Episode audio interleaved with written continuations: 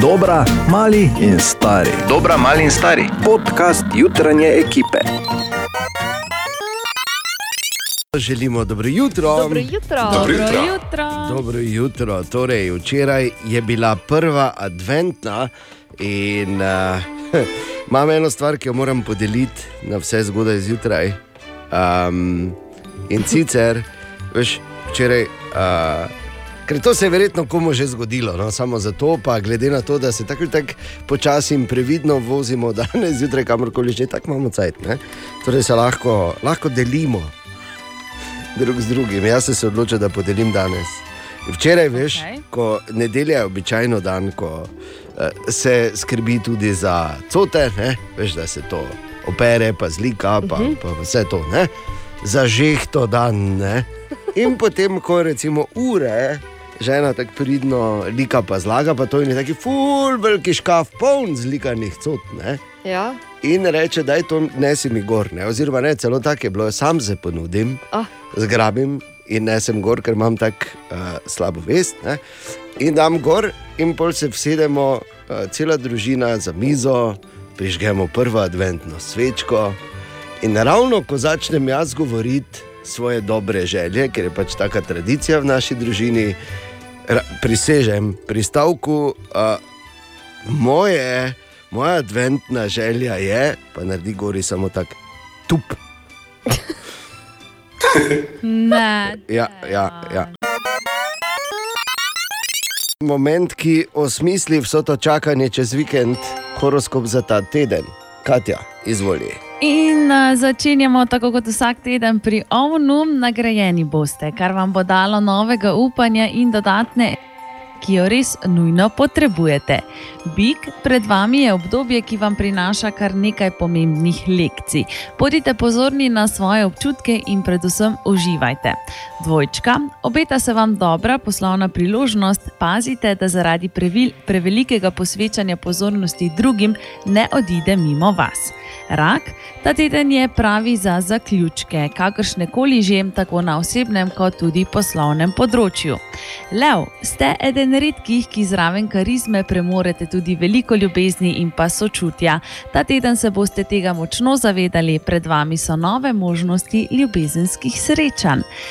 Devica, na pravi poti ste. Določene stvari boste sprejeli in za njih naredili pro prostor, druge pa zavedno pospravili. Tehnica, zavedate, zavedajte se, da je možnosti več in je marsikaj bolj preprosto, kot mislite. Začetek tedna vam prinaša lepe in spodbudne energije, orab, uporabite jih za urejanje doma. Če sodim po ponedeljku zjutraj, pf, však spodbudno. Oziroma po nedelji, ne, ko je padlo nekaj tam zgoraj. Ne govori. To je prejšnji teden, to je prejšnji teden. A ja, Zakaj za pardon, pardon, pardon, pardon. Hvala. Škorpion, priložnost zamujena, ne vrne se nobena, se tega resnično zavedate? V tem tednu boste imeli veliko energije in moči, da zadihate s polnimi pljuči in popravite napake. Strelec, čudovit teden je pred vami, poln energije, dobre volje in elana. Imeli boste občutek, da lahko storite vse, vseeno ne pozabite počivati. Kozorok, teden se začenja z novim spoznanjem, ki bo za vas odskočna deska za nadaljevanje nove in boljše poti. Vodnar, tudi, tudi za. Ja? Je nič lepo, da daljuj. Okay, aha, dobro, zaspim. pardon. Ja, vodnar, no.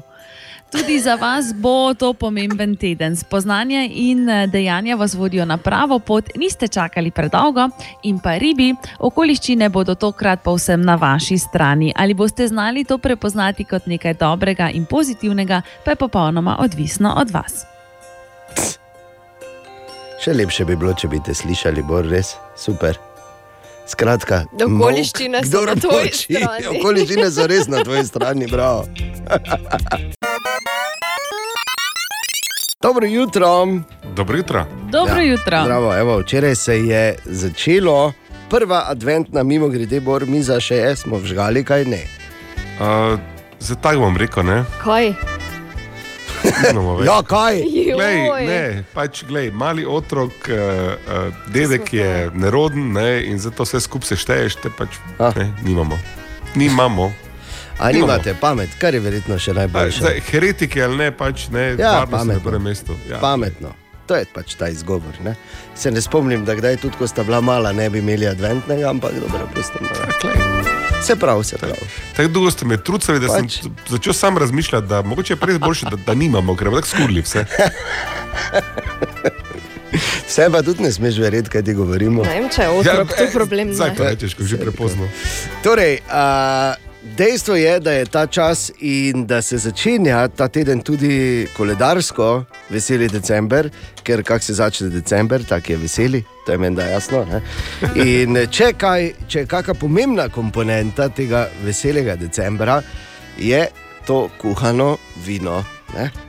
Da smo si na jasnem, brez tega ni. In da ne bi kdo to jemal preveč zlahka, naj samo spomnim še enkrat več, kako je to treba. Da ne bi slučajno. Prva in najpomembnejša stvar je, stvari se je treba lotiti resno in z dolžnim spoštovanjem. Ne? Več ljubezni, kot daš not, več pohvale boš deležen. To se na vseh področjih v bistvu Ja. ne, Ja. Uh, v bistvu je uporabna misel, ampak tu tudi pri kuhanem. Tako da, pazi, ne pretiravati s cimetom in klinčki, ker drugače bo imelo okus samo po čem. Po cimetu Cimetu in in klinčki. klinčkih. Bravo, klinčkih. bravo. Joj, kako nam gre. Nikoli ga ne smeš prevreti, ko delaš, ker uh, seveda zakolješ alkohol. Ne? Tako da 60 do 70 stopinj nekje samo, ne? v bistvu ga se greješ. Nikoli ga ne prevreješ, ker drugače, dobro, razen če seveda kuhaš za take, ko ne smejo. Ne bi zakazali na določene člane jutranje ekipe. Ne? Veš, kaj pravijo, pijano. Kaj? Pač pravim, se vseeno, pač se veš. Bora si mislil, ne? Ja, tako. Okay. Fulja. A, ne uporabljati najslabšega vina, ne, ker vedno zakuhano, eto, zakuhano bo vrej, to nekaj čmiga. Ne? ne, ne uporabljati, predvsem pa je dobro, če delaš z rdečim, recimo, ne, da imaš tako, ki je močne arome oziroma okusa, kot je modra frankinja ali pa recimo cvajgeld. In pa na koncu, ko uh, se greješ, ne zavreješ, še enkrat, lepo noter par rezinic limone ali pomaranče, da lepo zaokroži okus, seveda z olupki. Tako. Vse jasno? Bor se je začel blizovati. Ja, Res bor? Tak je? Res je, kot eh, je govoril tvoj horoskop, ni situacija na tvoji strani danes zjutraj. Je. Res, ne? Je situacija Na naši, ja. ja. Dobro jutro še enkrat. Dobro jutro. Dobro jutro. Dobro A, jutro. Potem, ko so stokrat že in to mi za nalaž delajo, to sem prepričan, predstavili premiero nadaljevanja Top Gana, film Maverick eh, na maj drugo leto, čeprav še enkrat več, ne verjamem. Um, to ni ostavilo odgovornih pri Matelu, da ne bi dali ven posebne izvedbe Barbike. Top Gun oziroma Maverick Barbika, zunaj, mm -hmm. uh, lepo v tem uh, vanziju, ne pilotskem, pa uh, v kombizionu. Ne? Kombizion. Kombizionu, uh, pa čelado, pa tak, ne. In jasno, ne samo da je zunaj, takoj praktično je bila razprodana. Pa kaj niso štiri po pošti prišle fram? Uh, ne morem ne potrditi in ne zanikati te informacije. Želimo dobro jutro. Dobro jutro. Dobro jutro. In ne bi rad bil taki, ki prinaša slabe novice, ampak Bor, starejši si od najstarejše računalniške igre. Kaj ti danes? Imamo- Se mi je menimo o Pongu. Tako, o Pongu, O Pong je danes star 49, tako da definitivno mlajši od tebe. No, sicer pa bom jaz kar tiho, ker jaz pa sem starejši od eh, prve omembe imena Microsoft, ker na današnji dan, leta 1975, je Bill Gates napisal Polo Elenu pismo in v njem prvič uporabil Microsoft, kar je v bistvu okrešava za microcomputer software. Tako da, To imaš zdaj. Ja. konec je. Danes zjutraj eh, smo štartali na naših družbenih omrežjih eno debato o tem, kakšni smo. najboljši, seveda lepi, krasni, vrhunski. In vsi ostali pridevniki, ki sodijo v to kategorijo, da ne bi slučajno kdo mislil drugače. Ne? Ne Točno to, ja. Tako, tako. Ni, da ni skratka preveč. Tako, tako. Ampak eh, čisto za res pa o nepotrebnih stvarih, ki jih kar naprej počnemo, uh, čeprav nam res ne bi bilo treba. Eh, Samo da dam par primerov. Recimo, Okay. da, da, da hraniš osiroteli ta prver. To, to je. Veš, To je ta A ja, primer, ko imaš joj. samo dekl ali pa samo spodnji del joj. in čudežno upaš, da bo prišlo se do, do združitve. Ne bo se. Ja. Ali pa recimo, da vgasneš radio v avtu, ko se zgubiš, ki je ne. Prvo, če, ker te, tiš, samo tišina te očitno reši v tistem momentu. ne. Ali pa, ko recimo greš zratno nazaj, ne isto, mislim, saj jaz to delam. No? Ja, da meni, potiho. jaz imam taki avto, da mi sam da na tiho. Sej meni tudi. Ja, no, Ja. to je samo več povem, no, se veš, to je finta, stara vsaj 12 let, ne v da. Ali pa da uh, zapreš Facebook ali pa Instagram ali pa katero koli družbeno mrežo in ga takoj spet odpreš. Jo, jaz to delam non-stop. To delate, ne? Jo, Se mi zdi. Jaz ne, tako da in moram povedati, da zgledate zelo, zelo žalostno, ko to delate. ne. Tako da absolutno ne moreš nič in ne moreš nič delati. Ali pa recimo, oh. da veš, ko prideš do prehoda za pešce, pa je moraš stisniti knof, pa ga stisneš več kot enkrat, Ja, zakaj? za ziger. Ne? Ne. Tudi ni potrebe, ali pa da recimo zakleneš avto, pa ga pol za ziger zakleneš še enkrat ali pa dvakrat, ali pa tam z enih 50 metrov, pol probaš še Ja. če vleče. Pa pol še en pošlješ sopotnika, da idi pogled, če sem zaklenila. Ja, zato pa ne grem nikam s tabo, ker ne morem dogledati, če se zaklenila. Tu štejejo samo te mehanske rutine, ne? ker jaz sem okoli tega relativno zverziran, ker optimiziram to že 150 let, ampak recimo imam pa druge napake. Ena od teh je, da vedno se vključim v pogovor, tudi ko zamudim, tako da sem že noter eno uro. Ja. In Ti ne moreš ja. ja. si misliti, kako žaljivo in moteče in vsiljivo je to katastrofa. Ali pa recimo kraljevska, da vsake toliko pogledaš v hladilnik, če se čudežno kaj novega not pojavlja. Dela kdo to? Ja, No, evo. Nepotrebne stvari, ki jih počnemo, čeprav nam ne bi bilo treba, pa jih vseeno delamo, na naših družbenih omrežjih debatiramo, katera je tvoja. Povej. Dobro jutro. dobro jutro. Dobro jutro. Ja, pa je super, ne? Je super. Je super. Seveda je. Ba je Seveda super, seveda je Pa super. zakaj ne bi Je- bilo super? malo Glej, morge. kako je lepo zunaj. Ja, super. Ja.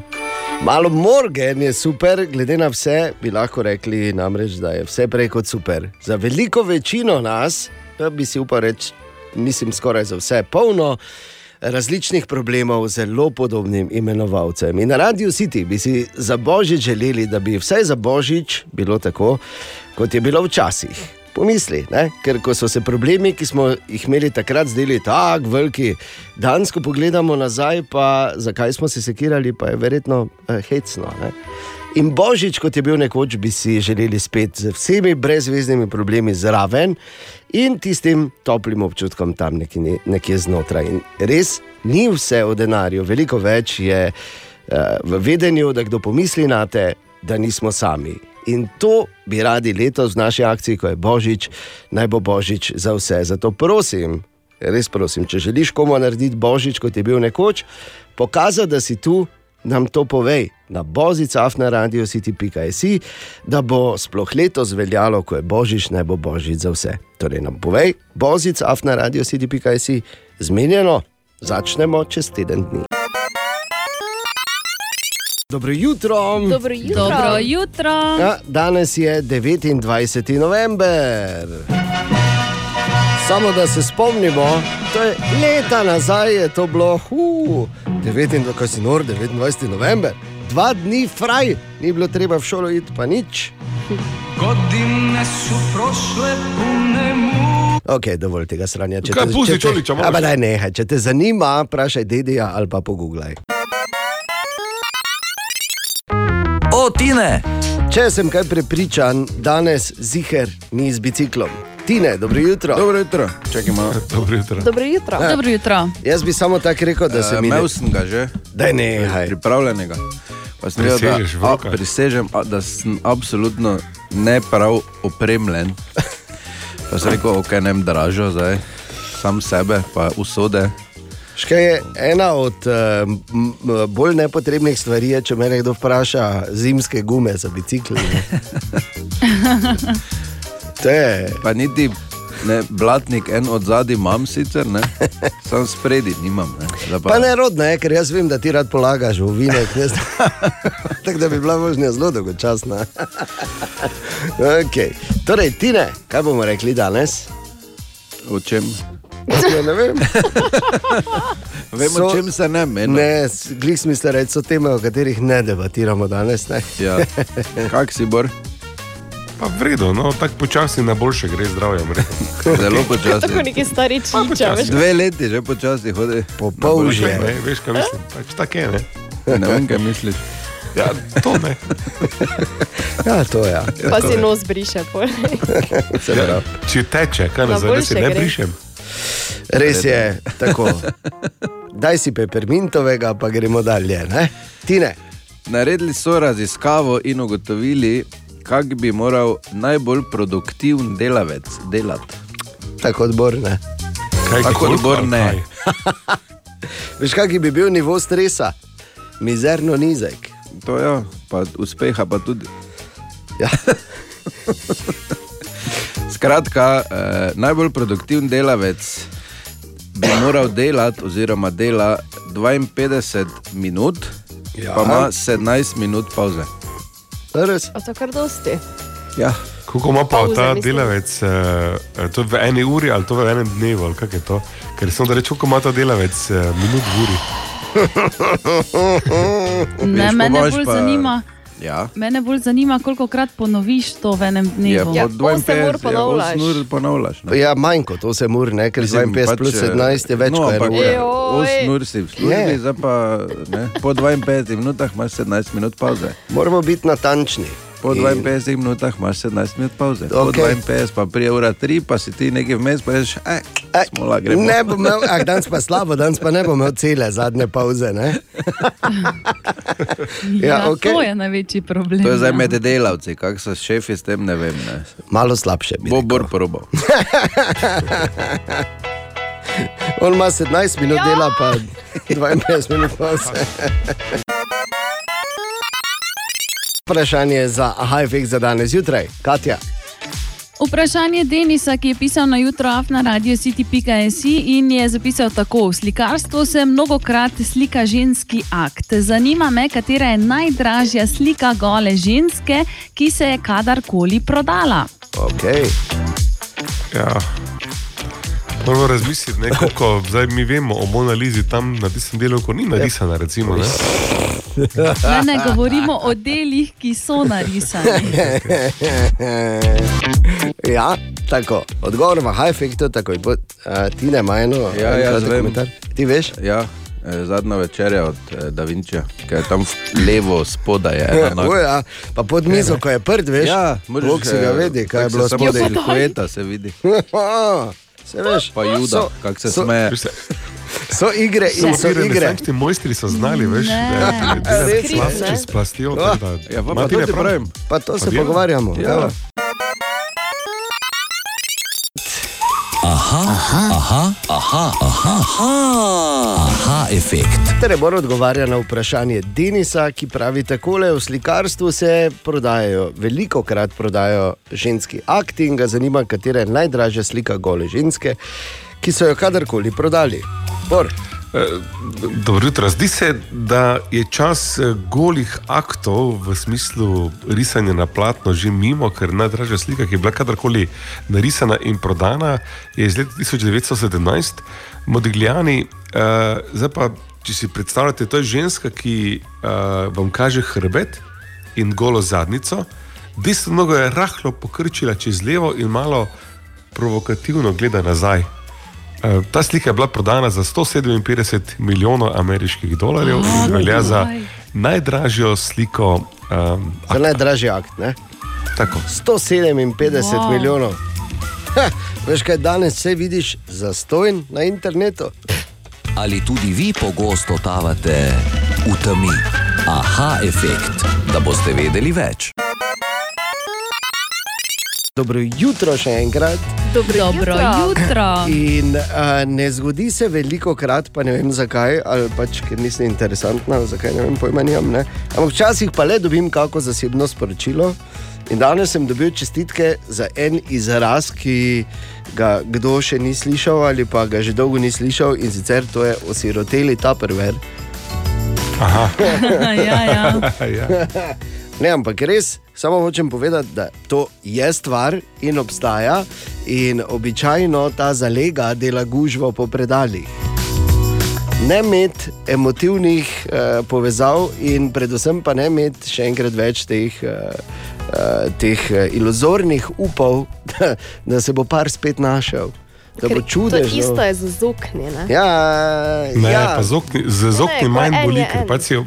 Ne, ne, z okni si oboješ dva različna, pa si nekaj naredil za ne vem, ono, imajo te semine. to. pa to. Res je. Medtem ko pri osirotelem ta prevero, kot je dejan to lepo značil, ne, je pa to tragedija, ker imaš ravno zdaj nekaj, kar moš noter dati, Ja. ni ali pokrova, ali o, ne, ne paše, ali je narobe. Ali pa imaš- ni ničesa. preveliko posodo, v katero ne moreš dati tega, ali imaš premalo posodo, Pravi brez dekel, dekla, ja, ja. ali pa imaš full pravi dekl, pa nimaš prave posode. ne. Recimo. Tako da, ja, osiroteli ta prvi. problemi 2021. Ja. Ja, in še enkrat bi samo spomnil, da je pred časom simptomatično bil en pozdrav enega mojega prijatelja Primoža v telefonu, ko me je klical, mo- morda se to spomnite, morda ne. Klical me je okoli tretje, pol četrte ure, pa na mesto zdravo rekel: kuhaš ali likaš. Tišina, tišina, tišina, pravim. Profesor Križanič, izvolite. Tako, profesor Križa, nič dobro jutro. Dobro jutro. Dobro jutro. Dobro jutro. To pa je redka in posebna priložnost, ko naš glasbeni urednik pride na okolje, ampak mislim, da je kar logična, glede na to, gospod profesor Križanič, da je včeraj bila prva adventna nedelja. Točno. In za prvo adventno se ponavadi začne sezona božičnih hitov, ki so eni več, eni manj naklonjeni, ampak tako roko na srce. Vsak, ko je mogoče sam v avtu, da malo bolj na glas katerega, ne. Vse noben ne bo slišal, ne, se Jaz- noben ne ve. ja, pa Tako. si povrta po nosu. Točno. In uh, tu se vidi. pa, poraja vprašanje, kateri je vaš najljubši božični? Dobro, da en temo spustil. Ja, prosim, hvala. Okej. hvala. Ana All I want for Christmas. od uh, Maraja. Maraja, ja. Maraja, okay. Bor. Ja, Joj, zdaj, če res mora biti božični, ne pa novoletni, ne. Imam enega About New Year's Eve od um, uh, Ella Fitzgerald, ampak drugače pa normalno, Wham, Last Christmas. O, tudi ja. Aha, ok. Aha. Dobro. Eh, Kdo je še ostal? Katja, Katja. Uh, od Coldplayov Christmas Lights. Uf, lepo. Uf, lepo, da si dobro. Da si si kavico prislužila pri meni. Oh, plus pike. Ja. Preprosto je to. Eh, moja je sicer eh, od Dajdo, Christmas Day, ampak danes bomo slišali Last Christmas. Ne, pa ne zato, ker je. Yes, Ana yes, rekla, jaz rekel, hvala. Oziroma, Bor, ne, Ana, Bor, ne. Eh, Gre za eno najbolj znanih božičnih skladb, seveda, eh, ki ima pa pravzaprav bolj malo s samim božičem. Pesem govori namreč o propadli zvezi, le naslov pa nam pove, ob katerem času, oziroma katerem letnem času se je ljubezenska zgodba dogajala. Uspehu je močno pripomogel tudi videospot, ki ima na YouTube že več kot 600 milijonov ogledov, Wow. je pa v 4K. Uh, prirejen, se pravi, Lepo. z, zelo dobre kvalitete. Zraven Do They Know It's Christmas od Band 8 je Last Christmas najbolje prodajan božični singel v Veliki Britaniji. Od izida leta 84, ko je ravno Band 8 pripričal, da bi skladba prišla na prvo mesto, je minilo kar 36 let, da je Last Christmas končno prišla na prvo mesto. To je bilo 3. januarja letos, pa čeprav je bil singel na lestvici, mislim, da čisto vsako leto v Veliki Britaniji. Ne? Seveda je postavil tudi rekord za pesem, ki je najdlje potrebovala uh, do vrha uradne britanske lojtrice. Wow. Ja, nič. Nekaj malega za info. Um, vreme in, uh, da bomo rekli, pogled skozi okno, pa kot nalaž kliče. Zato da Točno. začnemo. Hvala, profesor Križanič. Prosim, prosim. Hvala lepa. Še enkrat želimo dobro jutro. Dobro jutro. Dobro jutro. Dobro jutro, torej, eh, v nedeljo se je začelo adventni čas, lučke, ne, adventni koledarji, po nekaterih pričanjih eh, je določena članica jutranje ekipe svojega spraznila že pred 14 dnevi po spletu nesrečnih okoliščin. To že govorili. Dobro. Ampak uh, uh, sveda je, uh, je to tisti lepi čas v letu, ko. Na katerega pač zdaj mi še čakamo, da bo prišlo, niti decembr se še ni začel, danes je zadnji november. Medtem pa poznamo ta izraz Christmas comes early v angleščini. Ne? Je Božič prišel malo prej, to ste morda slišali, za 60 srečnic, srečnic in srečnežev, ki so bili v najviše ležečem angliškem pubu. Ten Hill Inn, ki je na severu Anglije, na 528 vrtoglavih, 528 metrih nadmorske višine, kar je za Anglijo ful. Ne? In mm -hmm. ker je po severu Anglije divjala jesenska nevihta, ki je bila tako velika, da je ime dobila, te veš, da je to pač bilo neko, ne? po imenu Arven, se je zgodilo, da jih je pač preprosto zasipalo in to z snegom. In to tako fejst, da so tri dni bili zametani noter. Gostilni. Ja, tri dni so morali biti v gostilni. Morali biti, podarjam, morali biti, zato ker enostavno niso mogli ven. Na srečo je bilo vsega dovolj, ni zmanjkalo piva, čas so si krajšali z karaokami. Boru so se pravkar zasvetile oči, ker je seveda šampion karaoke, ne, Japonec v jutranji ekipi. Uh, torej, uh, z karaokami, namiznimi igrami, kvize so si delali, veš, tako so si hecali. Ne. A, Želeli so iti postaviti snežake, ne? ampak Tudi. je bilo, preveč je bilo mrzlo, so rekli. Ja, ja. Se, ker, in zakaj so oni bili tri dni v pubu, ki je tako visoko kot. Uh, uh, kaj te vem, triko, pod trikotno jaso, v bistvu, eh, daleč pod trikotno jaso. Ja, zato, ker v Angliji niso ravno vrhunski, v, nimajo ravno vrhunske zimske službe, če lahko tako rečem. Ampak si predstavljaš, ti to no, včeraj so končno so se ekipe končno le prebile do njih in uh, so jih rešili, tako da te agonije pod narekovaji za uh, teh 60 gostov, ki so bili tri dni ujeti v pubu, je bilo konec. No, se pa je, baje po, po, so pa tudi zapisi, kako so na eni strani eni odkopavali, oni so pa oblikovali ekipe, ki so zadnji hodile pa zakopavali. zakopavali. Je Kam nas rešuješ? Kam? No, ampak eh, zanimive zgodbe eh, zna pisati življenje. In kot smo rekli, ne samo, da je to kot v filmu, ampak je to tudi potrditev, da, da smo tudi v ekipi reporterja Milana bili preroški že par let nazaj. Ko smo spisali to priredbo, ki je bila velik hit, tri dni smo pili, Jo. to besedno se je to zgodilo v Angliji. Draga, glej, zdaj je kar je.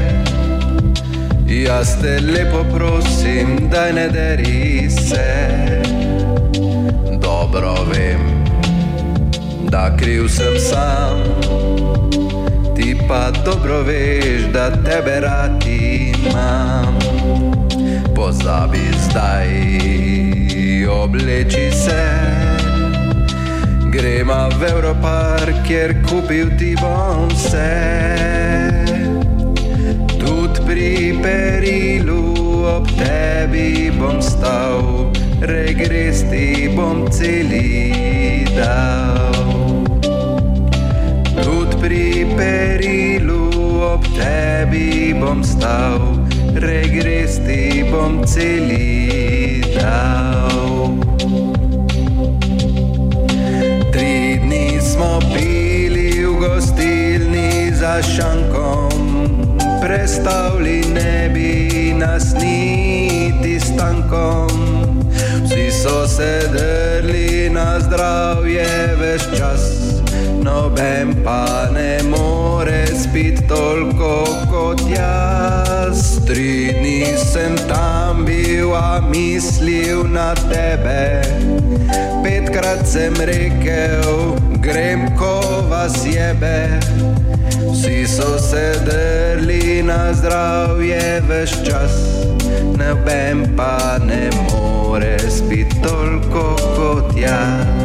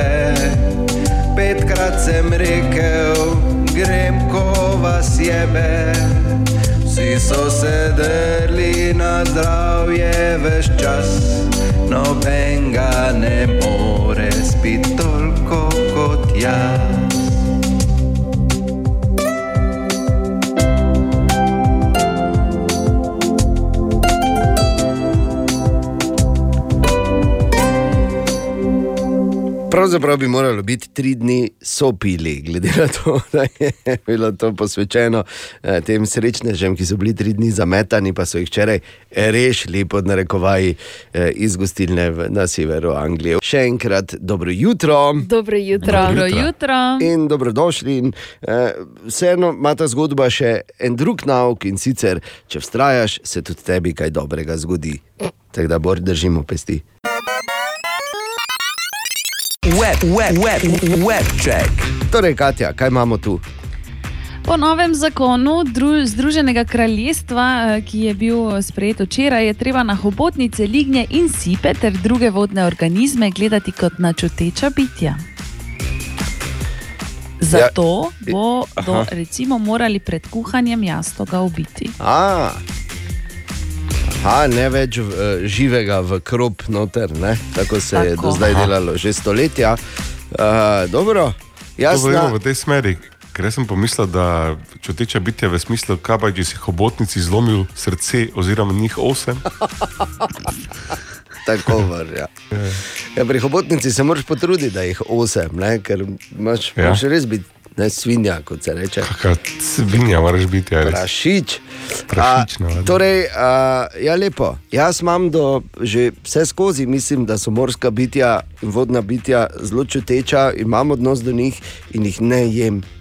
Ja, ker jih nimaš rad. Tako, ja, ne, zato- glej, ne zato, ampak zato, ker Pusti mislim, da so čuteta, čuteča bitja.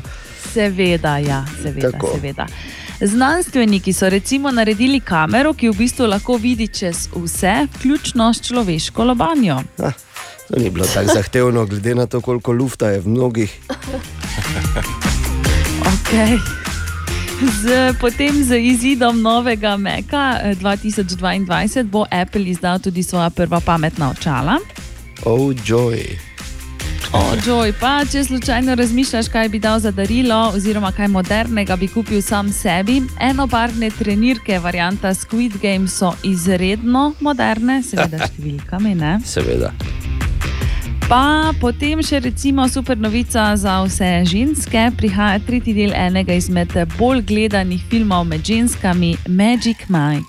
Uh, Novico je seveda objavil eh, Channing eh, na svojem Instagram profilu. Je kdo pa, mislim, malo.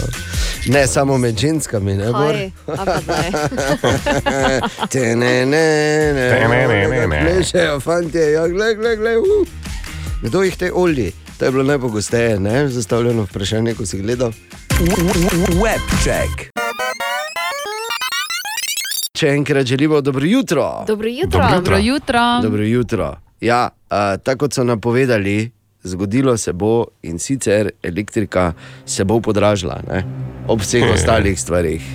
Ne govori. Najprej so pri Petrolu napovedali natančne številke. Govorimo o tem, da se bo s 1. decembrom elektrika podražila od 21 do 35 odstotkov za končnega uporabnika. Noro. Plin pri Petrolu 12 odstotkov in to je samo zdaj tak, eh, kaj bi ti rekel, prva lastovka, ker ostali ponudniki bodo temu brško ne sledili. Ja, ta ga zadaj že žgene. Se Reče, to je prva lastovka. Ampak, ko se menimo o elektriki, se mi je meni danes zjutraj posvetilo, da se res ne obeta nič dobrega. ko Se, recimo, če se zjutraj pelješ čez Tito most v Mariboru, ne, Mhm. se peli se uh, in, in, in poglej tam, ko vidiš tako lepo, zdaj v temi sicer ne, ampak za potrebe uh, tega razmišljanja je tema super. Ker se boljše lučke vidijo. Ne? Ob eh, lentovski veduti in krasno osvetljenem špicu Narodnega doma je potem naprej levo monumentalna zgradba Elektra. Ne? In jaz se danes zjutraj peljem in vidim, da je zgradba Elektra z lučkami osvetljena samo do tretjine. Si rekel, aha, nič ne bo Aha. dobrega. Ena od treh, treh, treh. Jutranji sprehod po zgodovini popularne glasbe. Danes je torej 30. november in svoj 66. rojstni dan, že ne morem verjeti, praznuje William Brod, oziroma mi ga bolje poznamo pod njegovim eh, umetniškim imenom Billy Idol. Billy Idol, ki je v 80-ih naredil drmer, sploh z svojim kitaristom Stevom Stevensonom, ki je eh, res vrhunski in skupaj sta. Pš, Noro, jaz se še zdaj ne bom pozabil, kako je tako, ja, ker bodite tiho, ker se učite. Ne, Pa zapisujemo. 66 je star, tu ja, smo se ustavili. 66, res. Kako je to bilo tam v 80-ih, ko je, so se tudi pri nas eh, pojavile njegove skladbe, njegovi posnetki, kak video spod tu in tam in kako so to bile mame zgrožene. Kako je on to, pa kako on to nagi, pa kako on to kaže z obrazom, pa kako dela, pa vse te stvari. Pa, joj, grozno. Groza, kak je, Beatles. Ne? Ampak to je tudi bil en izraz za nekoga, ki je bil malo ven iz nekih norm, ne morem verjeti, v kakem času smo mi dva odraščala. Bor, ne? A, torej, um, Billy Idol je res dejansko soustvarjal soundtrack z ose- 80-ih in to z številnimi hiti, premalo imamo časa, da bi na vse opozorili, pa vendar, recimo, Rebel je.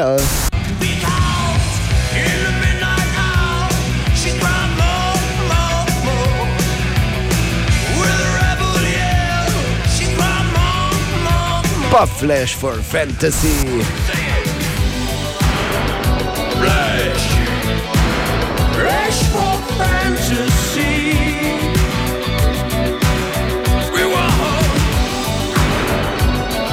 To je zadaj fenomenalna kitara, ne ta rif.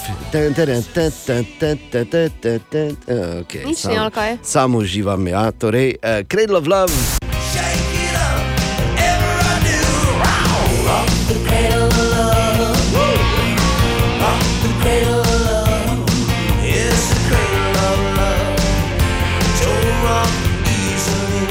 In pa recimo Dancing with Myself.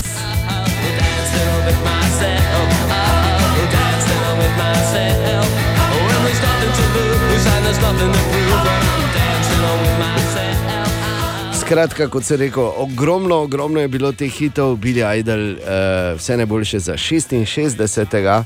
Pa bodi še zdrav, ne? Uh, in hvala za vse v 80-ih. Zunaj je kar hladno, ne? milo rečeno, ponekod bolj, Kar ponekod manj. hladno, ja. Ampak kar hladno bi le- lahko rekli, je to uh, jutro na torek, 30. novembra. In ko je hladno, tudi ne paše uh, elektronskim napravam. Ne, ne paše bateriji Uh, uh, našega baterij telefona. Ne, ne, ne, ne paše, ne, ne. Nima rada. Ne vem, komu sploh paše to, da je Ja, hladno. pa, zakaj ne, to pa je vredno. Žak, severni medvedi recimo uživajo. Pa medvaj. Recimo. Ne. In uh, torej, uh, ko ji ne paše, smo rekli, kaj narediš, ker ko njej ne paše, se hitro prazni. Govorim seveda ja. o bateriji, da ne bo spet kaj narobe. Uh, telefona. Ja. In če bi rad ali rada, da se ti hitro napolni in da je spet veselje, ko je dovolj črtic tam gor, ko pogledaš, eh, koliko imam še, ne, ali pa da je tista ikonica tako fino polna. Do 20 odstotkov hitreje se bo polnil, če vklopiš airplane mode. Pa še noben te ne more gnjaviti, mes kak fajn. Želimo dobro jutro. Dobro jutro. Dobro jutro. Ja, pozdravljeni, danes je že torek, kar pomeni ponedeljek je mimo, je pa res, da je danes bolj hladno in blete. V vsakem primeru fajn se mejte. Ne, lep začetek Veliko dneva. smejte, veliko jejte, Pa recimo. ne, A, glej, kako lepo. pa ne vsega pojejte. Zato, A. ker Ne, ne. december, vemo, je ne, Zdaj napihnjen mesec. začenjamo. Zdaj, Zdaj začenjamo. Zdaj še lahko. Ne? Bi pa ja. samo Kati se zahvalil na tem mestu, da nam je prebrala iz spominske knjige. Danes je zadnji november, oziroma pravzaprav eh, tretji dan v novem adventu. In manj kot teden dni pred začetkom naše največje dobrodelne akcije, ko je Božič, ne bo Božič za vse, tudi to leto. Ne? In to leto, oziroma ta Božič, bo spet malo drugačen. Ne, Bor? Ja, dejan, največja dobrodelna akcija Radia City z napol ponarodelim imenom, ko je Božič, ne pa Božič za vse, letos gre v 18. leto izvajanja. Zaradi še vedno drugačne realnosti, pa tudi naše neumorne želje, da vedno naredimo drugače in boljše, smo ob tej polnoletnosti prehodili polni krok in se vračamo k bistvu akcije, tako da znova v spredje postavljamo samo človeške zgodbe in se osredotočamo na to, kaj lahko naredimo, da pričaramo božične občutke, ki jih pa zdaj mi na radiju vidimo kot eh, empatičnost, skrb za sočloveka, oziroma tisti mir, ki ga lahko čutiš samo, ko o drugih razmišljaš malo več kot o sebi. Če kdaj se to zdaj v tem času zdi najtežje doslej, ampak izzivov na sitijo se nikoli nismo bali, nasprotno, zakaj bi se ti? To delamo skupaj, ne? Tako da poglej okoli sebe, komu lahko samo s kratkim razmislekom, samo s tem, da pišeš na bozic afna radiocity.si, polepšaš božični čas. Ker božič bi moral biti lep, pa brezskrben, pa fajn, pa ni, ne? Za vse ne. Žal ne. Ampak zato smo mi tu, lepo si povedal, Bor. Bozicav na radio CD.js, vsi detajli tudi na naši spletni strani. Listamo malo po zanimivih naslovih danes zjutraj in to je en taki zelo odmeven. Jack Dorsey odstopa iz mesta šefa Twitterja. Ja. To je zdaj že stotič, pa je to malo rekel, ko je nekdo neki odstopil, pa nam ni uspelo Bora not poriniti, tako da tokrat pa res. Neki, vem, neki Indijec je noč skočil. Ja, Na mestu, ne vem, no, Indijci ti noč on Nekaj, da Ja. se ga rešimo. Ne? Vse smo probali, od vodovoda do elektra, vse. Zdaj še Twitter. Ne gre. Ja, nič, temu pa še naprej, ne veš, ko se zaskališ, pa na vun hodiča dobiš, pa imaš dolgo noter. Ja, no, to smo mi, pa bor.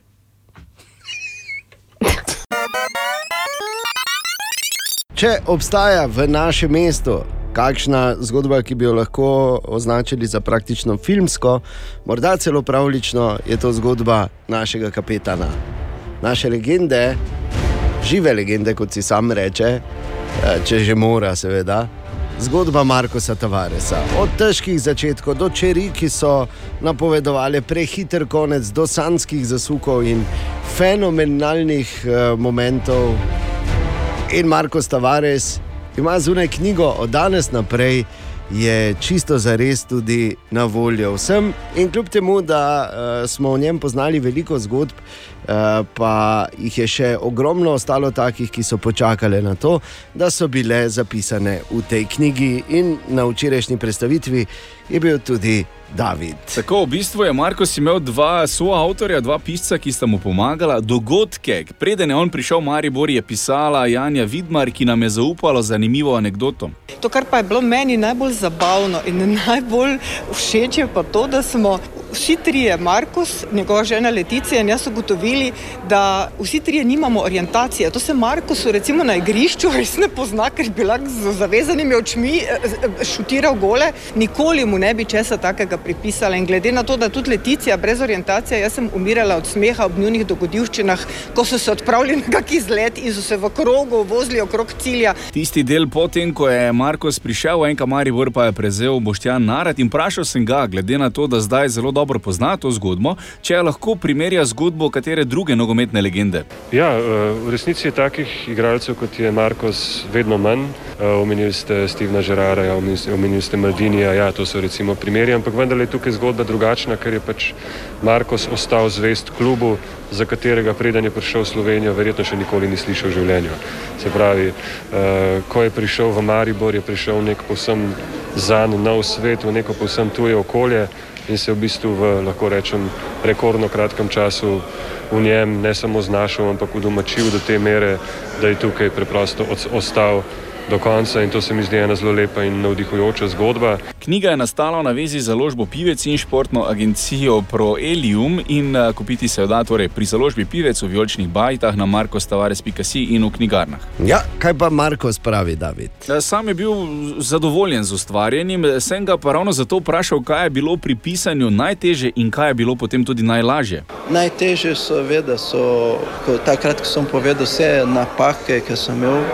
Uh, dosti uh, narobe sem uh, naredil v življenju, dosti tudi stvari, ki sem šel skozi, ni bilo prijetno, nisem imel uh, dobre življenje pred NK Maribor. In najlažje je takrat, ko sem uh, igral Ligo prvaka, to je bilo najlažje. In mislim, da to je to, eh, da lahko živimo vse, kar hočemo v življenju, moramo iti skozi na neki proces. In ta proces sem šel skozi, in hvala Bogu, da danes sem tukaj. Ja, in naj še poudarim oziroma omenim, da tistih dogodkov, ki so se zgodili pred prihodom v Maribor, javnost ne pozna dobro in so v tej knjigi povzeti. No, super. David, ampak ti si šel pravzaprav tja včeraj, ker seveda smo o legendi, eh, torej knjigi o Markusu Tavaresu govorili eh, v, v preteklih dneh ogromno, ampak ti si šel tja za eno misijo. Da vprašaš Markosa, ali ima kakšen nasvet za Bora, kajti njegova biografija je naslednja velika, ki jo čakamo v našem mestu. Seveda sem. Mislim, da mora, moraš ti povedati vse, vse, kar je možnost, ker knjiga ne, ni za sebe, knjiga je namen, da pomagam drugim, da ko berijo, bojo imeli nekaj od tega. Ne? Slišal okay. Imaš kar zapovedati, ne? Hvala, legenda. Ja, tako je.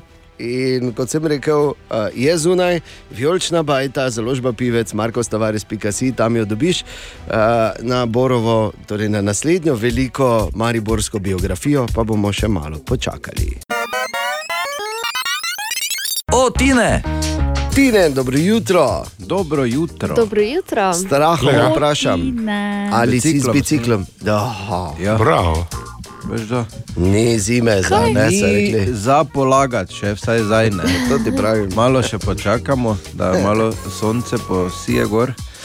Da Eh, spusti, ne? Da spusti to, uh, ampak ja, pač obleč se treba. Ampak če greš po ravnem, po zadnji gre, ne? Ja, Okay. No, te pa ja, dokler gre po zadnji, po zadnji sploh.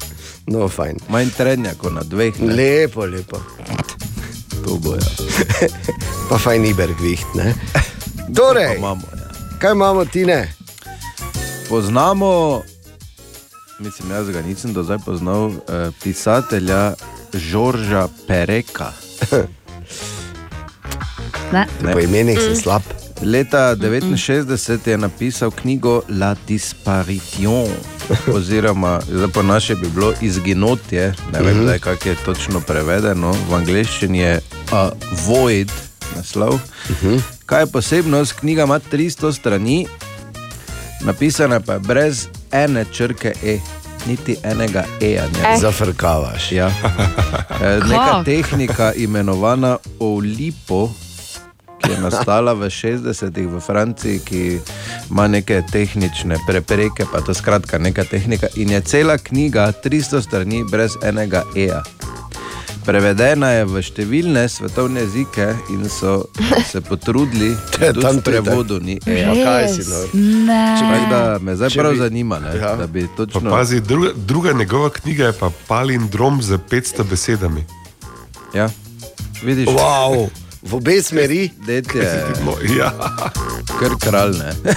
je kar Kar kralj. kralj. Žorž Perek. kak delaš eh, palindrom iz sredine vun, verjetno, ne? Tega spet so črkami, ne vem. Težko. Ampak eh, si predstavljaš to brez EA, kako bi rekel? Tin, bor je tu. T, sliši. Ana lakota. Ja, gledaj, če mislim. Jaz pa imam problem v imenu paprinko. ne. Dejn. V redu, v redu. Tako močno. Kaj pa v glasnik šteje? No, tako močno, ponoro. No, to verjetno, verjetno ni tako žurno. Ni tako, slabo, slabo. Ampak zanimivo ti ne, hvala ti. Dobro jutro. Dobro jutro. Dobro jutro. E, naj te zdaj popeljem 20 let nazaj, tu 19-20 let nazaj, ko si morda kot eden uh, od uh, radijskih moderatorjev v tem delu Evrope na PlayStationu dvojkici še igral Grand Theft Auto Vice City. To je zdaj čist preveč natančno. Pač obstaja, zagotovo obstaja taki moderator. Vem, katera je to? Ja, Ja.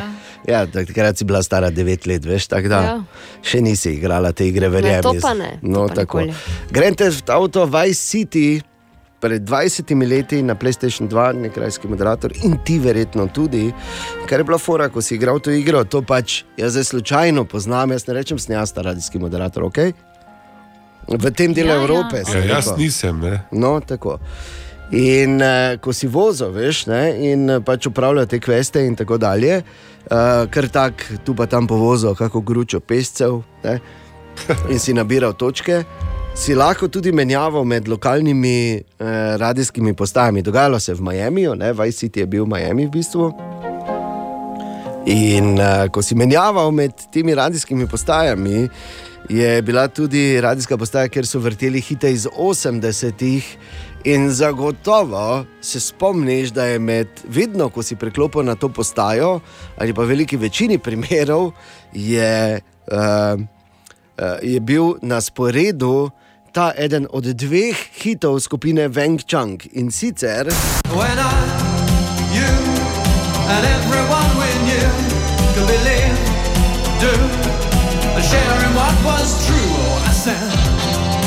Dance Hall Days ali pa Everybody Have Fun Tonight.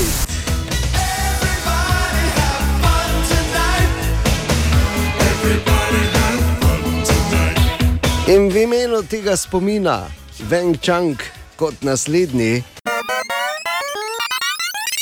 Včeraj je tako grobo uzurpiral ta naš priljubljen jutranji segment, profesor Križanič z prvo božično, zdaj pa je spet nazaj, porova špajza.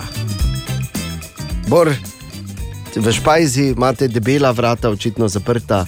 Nimamo slišite? debela vrata. Samo malo, čakaj, tukaj, evo noter, pridite. Ja. Ne bom se tišal s tabo v špajzi, ne glede na to, če je namišljena.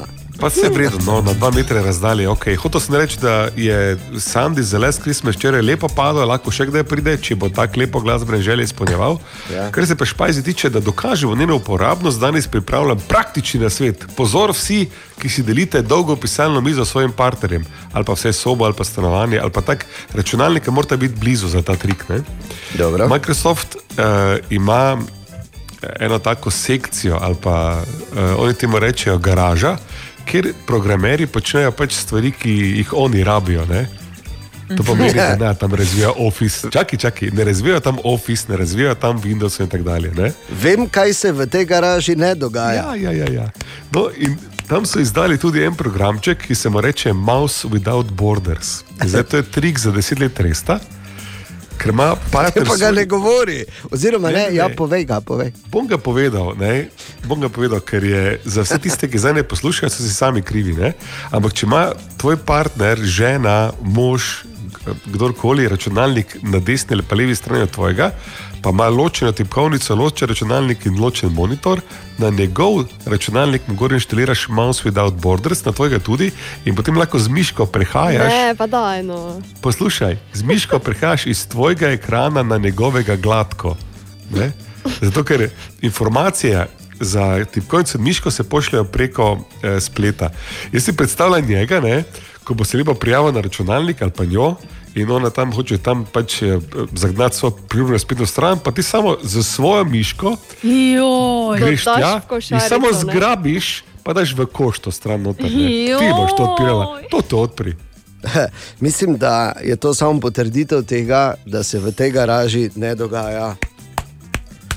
In zakaj? Medtem ko se zunaj dogaja in je, uh, so določeni serverji padli. To tako se verjetno zgodi vsak moment v vsakem dnevu, tako da verjetno ni to tako veliko presenečenje. Ampak ponedeljek so začeli v Ameriki prodajati karte za novega Spidermana. Spider-Man No Way Home. In jaz si ne znam to razložiti, se mislim, jaz gledam Spider-Mana in sem fan, seveda te serije. In uh, vse je fajn, ampak da je taka sila, da so karte absolutno pošle, ne samo da so pošle, serverji so začeli pokati zaradi prevelikega obiska, in hkrati so se uh, pojavili biznismeni, ki so uh, začeli pač preprodajati karte. In kaj mislite, po čem recimo si lahko kupo včeraj karte za, Spi za Spider-Mana No Way Home na črnem trgu, oziroma od teh, uh, kot smo jim včasih rekli, oziroma kot jim rečejo v določenih eh, državah, tapkarošov. Oziroma Jurija ki ti že. vzamejo vse denarnice, pa še skalp. No, uh, 130. Jaz Dolarjev. rečem 100 dolarjev. Ja. Dobro, 100 dolarjev, 130 dolarjev, te brez kokic, ne, da smo si na jasnem. Ja, ja. Normalno, samo karta. Samo karta, Katja, kaj ti praviš? Jaz pravim okrog Jurija že. Ja, okrog Jurja že, lepo. 25 tisoč Eh. dolarjev. Pa ne. Ja, toliko moj je bila najdražja. Se ste prosim, mislili, ok, zdaj pa se dajmo malo zbrati, ne? kaj neki se dogaja. In kaj bo zdaj s tem uh, Spider-Manom pri nas, ali lahko pričakujemo, ko seveda pride tudi v Maribox, da bo Bor spet odprl podjetje. Do takrat pa naj samo rečem to, da uh, fino, da je verjetno ni straha, da bi pri nas bila taka gužva. In uh, ko čakamo na Spidermana, si lahko vmes krajšamo čas, recimo v Mariboku s hišo Gucci. Bogatstvo, stil, vpliv, to mi je hodilo po glavi, ko sem čula ime. Gucci. Gucci, Gucci. Po glavi se mi je motalo tudi, da je Gucci prekletstvo, ker so vsi skupaj malo pritišeni. Tukaj je Mauricio Gucci. E mene bolj joka, zato te cote, jaz bi rajši bil odvetnik. Tukaj je Paolo Gucci. Paolo, prve duše, dej si obleč nekaj, kar bo izrevalo ime Gucci. Če pa je šik. In tu sem jaz, Patricija Ređani, ki bomo toto familijo sprevkala do amena. Gucci rabi novo kri. Ne, moraš kot tak, še vedno so moja familija. Ma, jaz sem tudi tvoja familija. Se veš, da te ljubim, Patricija, samo ne amore.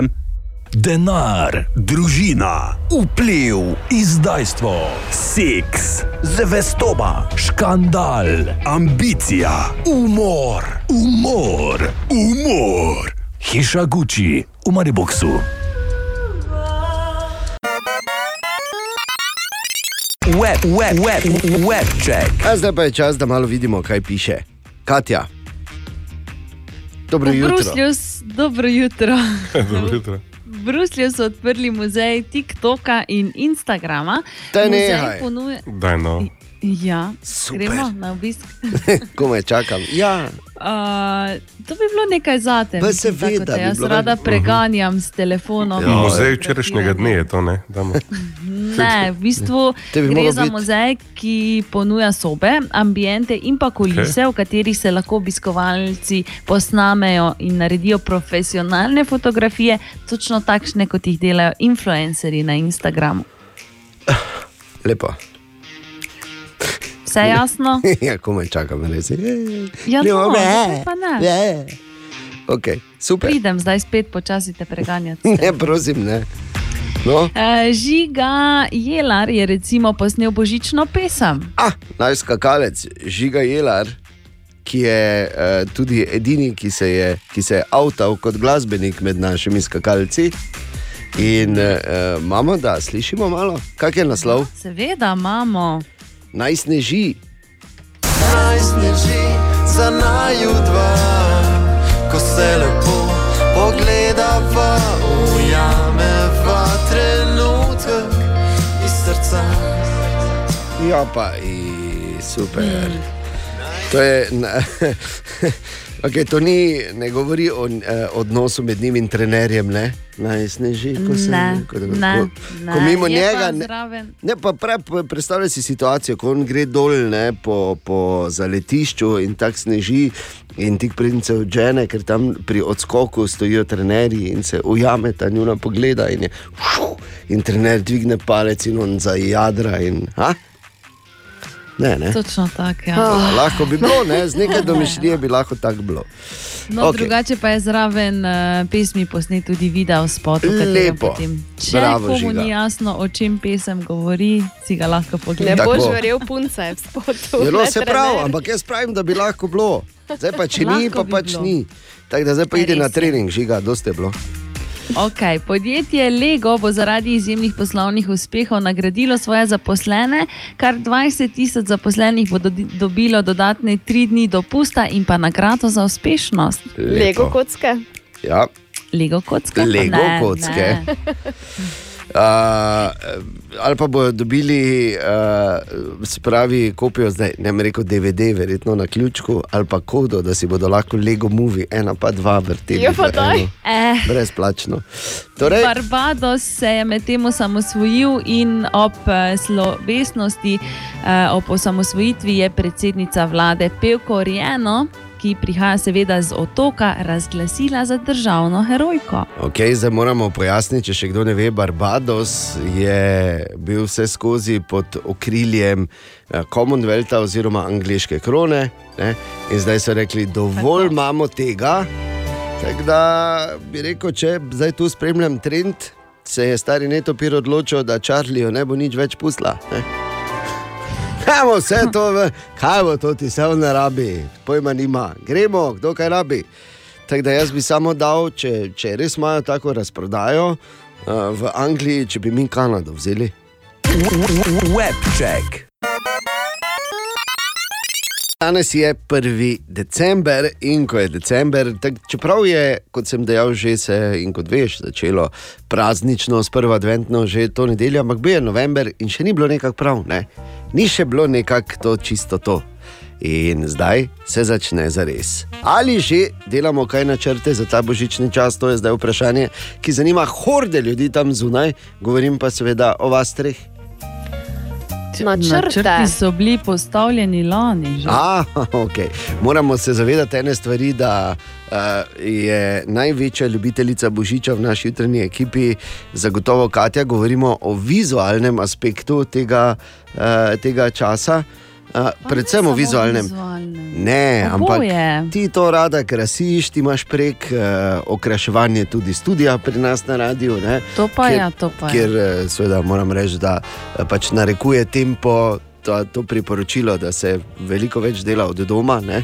tako da mi imamo to, imamo mi od eh, okrasitve, če lahko Ja, naredimo. čakaj, no se pa To. bo. Pridem, pridem. Okay, tako da doma pa si že začela, ne verjetno. seveda. Lepo. A, ampak eh, res, kakšni so kaj načrti? Bor, ti boš verjetno v svoji bogatiji se lovil, ne, z družino, sem pa tja. Ja, mi imamo potem pač eh, vsako leto isti prepir, ne, v kateri graščini bomo. Pa ne. to, to, to, Graščino. to. Veš, kaj mislim? Ja, ja, res je. Res. A, ne, ampak čisto je res, če damo. Vemo, da dan danes potovati ni tako lahko, kot je bilo lani in predlani, oziroma predpredlani. ne. Ker tudi za privatna letala so iste zgodbe, Ja. ja. pa ta carina, pa Ja. ja. oni pregledi, pa ta dovoljenja. Ta, ta, ta, ta. Moraš še vedno ti ostanejo konji. To pa res je. Ne? Pri teti v Yorkshireu boš ne. v Yorkshire. Tako se mi zdi, da bi lahko tja šel.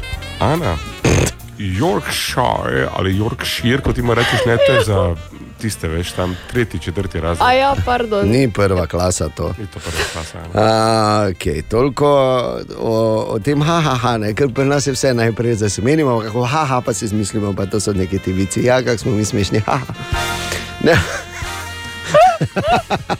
Ne, se gre za občutek, jasno, da tudi eh, pretiravanje. Eh, eh, čeprav eh, seveda je to samo tančica, ki prekriva realno žalost, je, je pač zanimiva figura, ki pove dosti o nas.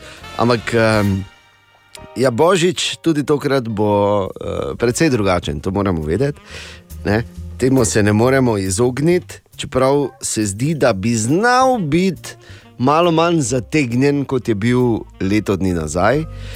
Upajmo, da bo, da bo res tako, malo zato, ker smo se navadili, malo zato, ker smo sprejeli, malo zato, ker smo zdaj že vsaj delno naučeni ali pa osveščeni, kakorkoli že. V vsakem primeru pa um, se zdi, da bo letos še toliko pomembneje se uh, zavedati enega preprostega dejstva, da uh, se ne rabiš uh, verjeti v velike ideale in uh, ne rabiš verjeti vse zlagane ideale, ki se ponujajo povsod. Pomembno je, da verjamemo drug v drugega, kajti uh, ta občutek neke skupnosti je. Uh, Veliko pomembnejši od uh, vseh velikih številk ali pa vseh velikih trkanj po vseh malih prsih. In uh, tu stopiti, biti drug za drugega tukaj, to smo se odločili, da bomo letos izpostavili tudi mi v naši največji dobrodelni akciji, ko je Božič, ne bo Božič za vse. Začnemo prihodnji ponedeljek in če imaš ti, um, če imaš nekoga, veš tako rečeš. Oh, Jaz pa bi si res želel, da bi vem, temu pa temu uh, spet naredil božič ali pa pomagal, da bi bil božič nekoliko lepši, s tem, da bo vedel ali vedela, da smo tu za njim, da mislim na njim in pa uh, seveda, da lahko tudi mi nekaj primaknemo. Uh, potem nam le piši na bozicah na radio city.js in uh, da bo tudi letos veljalo, ko je božič, ne bo božič za vse. To je naš iskren namen vsako leto, ko se pač lotimo te akcije. E, brez vsakega spektakla, brez, brez salt, ne, brez tolupov in ostalih medijskih bravur, ne, samo vi in mi. In le božič. Ena od treh, treh, treh. Jutranji sprehod po zgodovini popularne glasbe. No, tako 14 minut pred 7 ura in danes je 1. december, eh, rojstni dan pa bo praznovala in sicer svoj 43. Neli Furtado, še ena, ki je mlajša kot mi dva bor. Sram je bodi. Ja, res je, kako mlade praznujejo. Jo, Ka- kam, je- groza. kam mlado praznuje? 2021. Ampak Neli Furtado je na eh, glasbeno sceno skočila pred dobrimi 20 leti, sicer iz Kanade, ampak rojena portugalskim. eh, Portugalskima staršema in je uh, zelo hitro že začela uh, s pisanjem svojih pesmi. Dobila tudi na začetku kariere, takrat, ko se še spomnite, revije Playboy, ki je bila, to je pač spet vprašanje za malo starejše uh, poslušalce. Ja, poslušalce. Malo se pa spomnim, ne? A, Malo, nekaj, nekaj na sredini so imeli, nekaj ne. Ja, pa posod vse je bilo kar ne, pa, ampak mi smo ga brali zaradi intervjujev. To je menda jasno. To je menda jasno. Seveda. Tem so bili znani playboyevi intervjuji. Ja, Eh, valjda. Tudi eh, so takrat na začetku kariere, se spomnim, to je ta zgodba, njej ponudili pol milijona, da bi se slikala, pa je rekla, a, a. In je uh, pač raje ostala zvesta svojemu glasbenemu ustvarjanju, ampak eh, kot sem dejal, predvsem tam na začetku svoje glasbene kariere, tam v prvem desetletju novega tisočletja, je udarila z I'm like a bird.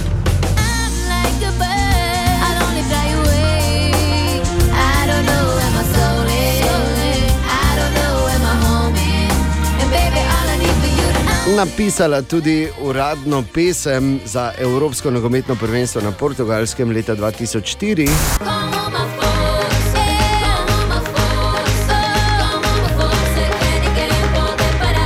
To je bilo Evropsko prvenstvo, ki je dalo zelo presenetljive evropske prvake. Se spomnimo, ne, kdo je bil evropski prvak 2-4 na portugalskem. Pa, seveda se spomnimo. Se spomnimo, ne?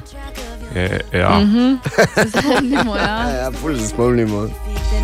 Grčija z Otom Rehaglom na klopi, to ste, ne? vse razumem, ste pozabili. Med večje hite Nelly Furtado, tudi Mano Salajre.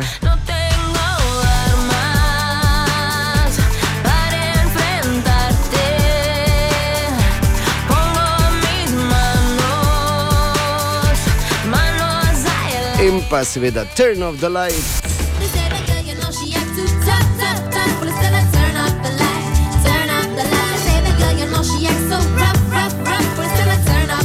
Kaj si pogooglal, Bor?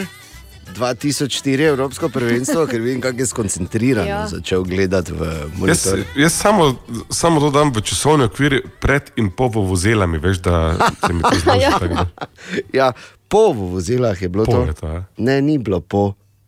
Je. Sveda, sveda da ni bilo. Vozile bile 2007. Ne, 2010. Vuvuzele okej. so južnoafriška. bila? Ja, tako. Kaj, zdi se, kot da je že več kot vidimo. Res ne morem verjeti. No.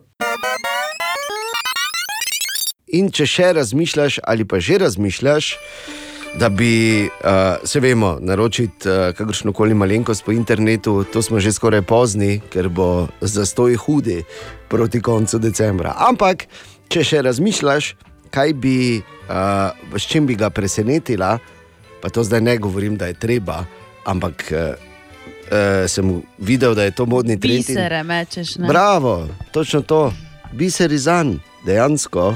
Ker se vemo, če kdo uh, modne trende spremlja, sem to jasno. Seveda, zagotovo Ko me pogledaš, vidiš, da je to jasno, da sem uh, klasični uh, uh, modni kolobarič. Kolobarič. Ja, to je, veš, ko vsake toliko časa si, ne, ja. modern.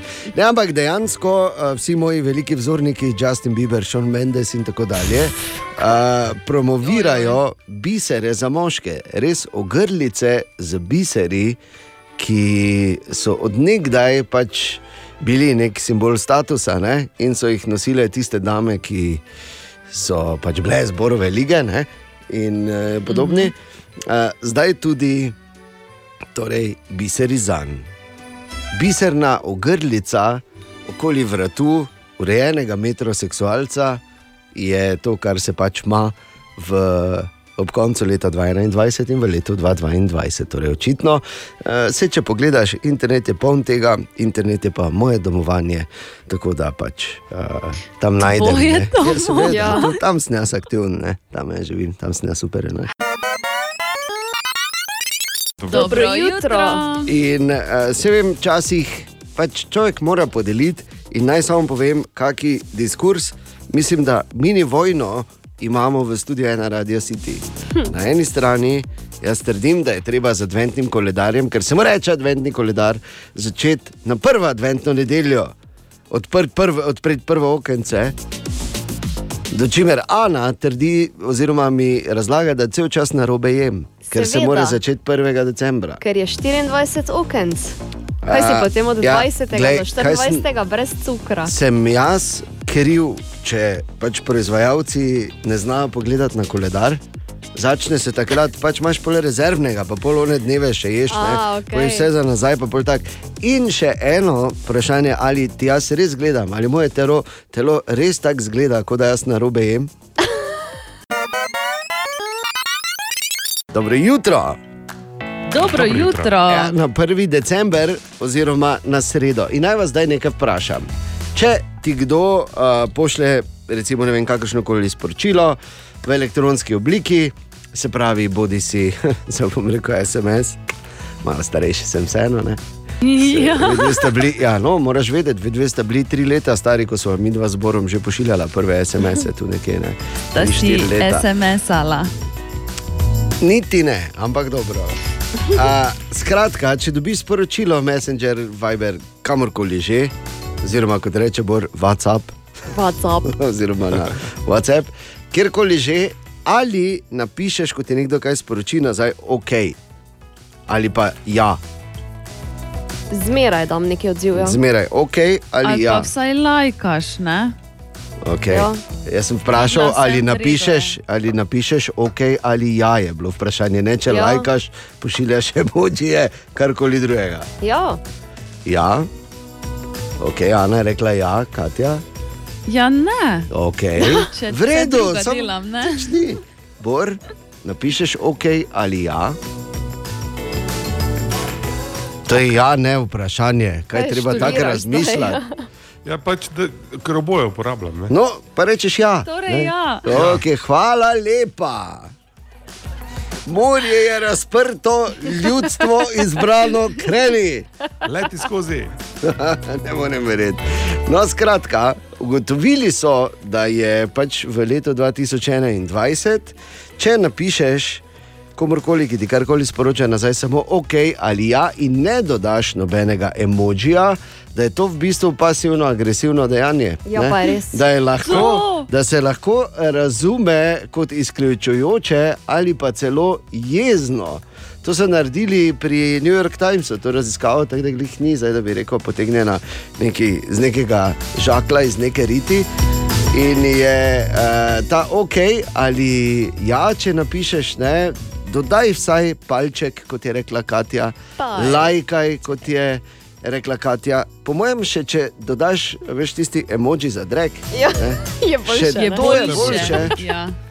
kot pa če napišeš samo ok ali ja, in uh, izpadeš totalno neotesano in nevljudno teslo. Jaz bi tu še samo dodala, da prosim, če že uporabljate emojije, ne uporabljate onega, ko je samo zaklepaj, ker je ta emoji isto pasiv-agresiv. Resno. Ja. Passive aggressive. Passive z F, Ja. z F. Ja. Passive aggressive. Si passive aggressive. Tako da, prvič slišim za to ti? Čakaj, še enkrat, to je Res, da ne ja. smem e, e, emoji delati tako, da delam, da delam dvopiče, pa zaklepaj. Ne, on je pa navadni. po, D, Dvopič je pa D, moraš dati. ja, ne zaklepaj, ker si tudi pasivno pa agresiven. da se on široko reži, dvopiče pa zaklepaj, pa se samo malo smeji. Ne Tako. delaj tega, ne delaj tega. Ne delaj skratka. tega. Daj palček. Ali pa da, Pasiv, agresiv, sem pa nisem vedel. Pasiv, agresiv, ne pasiv. To, no. Pasiv. A, v vsakem primeru palček, lajkaj ali daj, vsaj drek. O, Tine! Dobro jutro, Tine. Ja, dobro jutro. Dobro jutro. Dobro jutro. O, Tine. O, Katarina. Danes je pa eh, čisto normalno, za z biciklom bilo zaprit, ne Danes je, 3-4 eh, stopinje. Danes je kar eh, spomladansko, rekel. dobro, dobro. da sem imel kape tako na pol, na kapo na pol uhe, samo veš, ker niti ne reš prek dol. A, da se vprašaš, če bi sploh kapo rabo. Ne? Je pa res, da pri mojih uhah tudi težko pokriješ. skupaj. Pa. Razen če bi imel ono, veš, tisto, ko ima prav za uhe dol. Ja, ja. kapa, tista. Pilotska, tista taka. Ali pa štrikana, št- nepalska. Ja, nepalska, to je, ja, nepalska kapa, to bi jaz rabil. Ali pa zinki, ko so imeli, Ja, ja, ja. ko so na Oziroma, kot- prodajali kape. Ko te reče, bor temu samo kapa. Ne? Omenja kapetine, to, ki sem imela zdaj dan, dva nazaj, tako šolanje iz one. Kako se reče, one kapetine? Ja, jaz sem bila priča. Ojoj. Ja, ne vem, kako se reče, pač to ta kapa, ko je tako. Bi, ni, ni to, to je bini. Bini, ja, Bini. No, ampak taka, ko se tako od zadaj. Pa je zadaj dol- malo daljša, kot da imaš nekaj noc. In zdaj to gledaj, ne nosiš kape, bi ni prav, to ni ono, to ni tam, oni so v tol, tam moraš to ono, te se ne gre, Če gledaj, samo cofa. manj, ker mi je to, ne, ne moreš. Ja. Prišel je sem, sem- da bi mu Ata Štrumf zavidal te vrste. Kaj ti ne vem popraviti. da nimam srca, ga tako na ulico spustiti, pol se veš. da. Jaz bi samo, samo rekel, da čestitke in da vajnih problemov ne bi dal majmunu na evo, tako, To je, to je to. Kaj imamo danes, Tine, povej? Eh, najstarejša jo mama, joke, Šala. ja, Ja? je kak stara, kdo bi rekel. Ne stari Grki, menda že ziger, ne? Eh, babilonci. A celo babilonci. Na 3500 let stari neki toti tablici babilonski so najdli prvo tvoja Prevelico mama mami. Ja? šalo. Zakaj je bilo, ne vem. No. Ne, no, zakaj ne veš? Ja, zato, ker nisem bil zraven, mora vprašati, kaj ta zvon kaj je bilo. Verjetno ni bilo, tvoja mama je tako stara. Ne? ker, ker, sam, ali misliš, da so oni takrat, ko so živeli, da so vedeli, da so že tako stari? Je, do, ampak ne vem, kaj so, kaj so 3500 let nazaj Babilonci rekli. Ti si pa tako star, da si kaj. ja.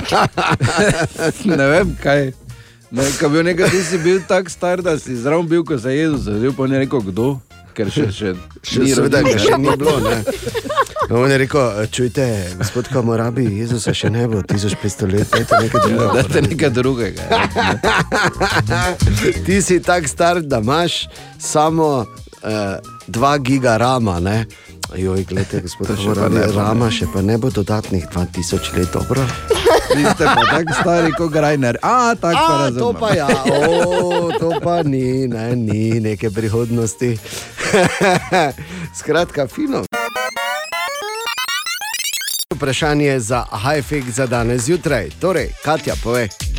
Imamo v bistvu vprašanje Ne, jutranje prekini. debate. Tako je. Ja. Samo Ja. reči, da če bi dala regularno vprašanje, ni danes regularnega vprašanja, ker tako si bo ta Dan pa Ana oči vun skopala, okoli Pa ne. adventnega koledarja. Ne, samo debata je. Ne boma, samo pa se veš. Ja, ja. Samo debata je. Sem čutil Ja. zadnjo grožnjo, Ana, ki je bila tebi zdaj na strani. Tako samo rekel, Pozabijo. mene bi bilo malo strah. Torej, za vse, ki ne vejo, ne, uh, dajmo samo na kratko povzeti. Ana mi trdi, da na robe jem, ker pač, eh, če imaš adventni koledar, začneš odpirati na prvi advent, oziroma ko se začne takrat. 24 čokoladic, Ja, to je pač ne? samo šlamparija proizvajalcev. Letos bi jih moralo biti 27. Ne? Mislim, samo kaj se menimo. Zdaj, če bi bili natančni, če bi jim bilo mar do svojih konzumentov, ne pa samo da pač mečejo ven, samo zato da mečejo, bi lepo se potrudili. In bi imel recimo čez cel advent za vsak dan eno, sploh pa. Uh, Kaj te tebe briga, kak jaz jem? Pa če bi jedel adventni Ja, koledar ne, avgusta, je to ne moja stvar, razumeš? Ne, točno. Okay. Bor, Bi dali na malo pauzo, Ja. bi dali. pa spravom razložiti. Ok, v high-efektu. Aha, aha, aha, aha, aha, aha, aha efekt. In danes v aha efektu rešujemo veliki diskurs. Ali se adventni koledarček z drobnimi, a sladkimi presenečenji začne prazniti na prvo adventno nedeljo, na začetek adventnega časa, kot bi bilo edino pravilno, ali se začne, zato ker pač ne znajo pogledati naprej, da bi pripravili dejansko stanje, pač 1. decembra, ker nas v to sili eh, proizvajalec, ker da samo 24 okenc. To je to veliko vprašanje, veliki diskurs in kot v grških tragedijah vstopi Deus ex machina bo.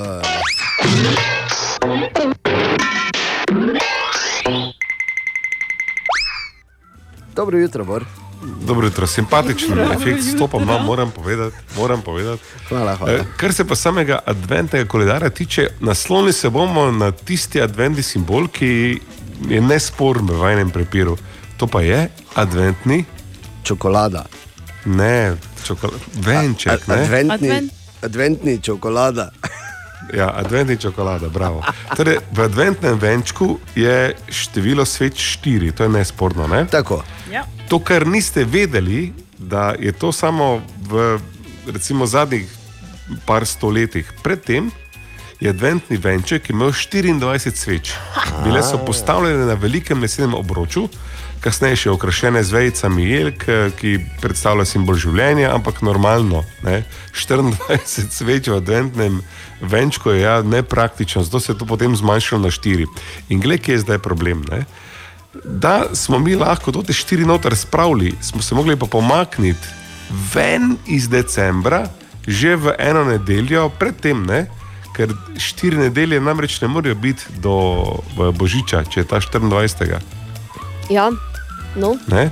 Tako. Kaj no, pomeni, kaj no?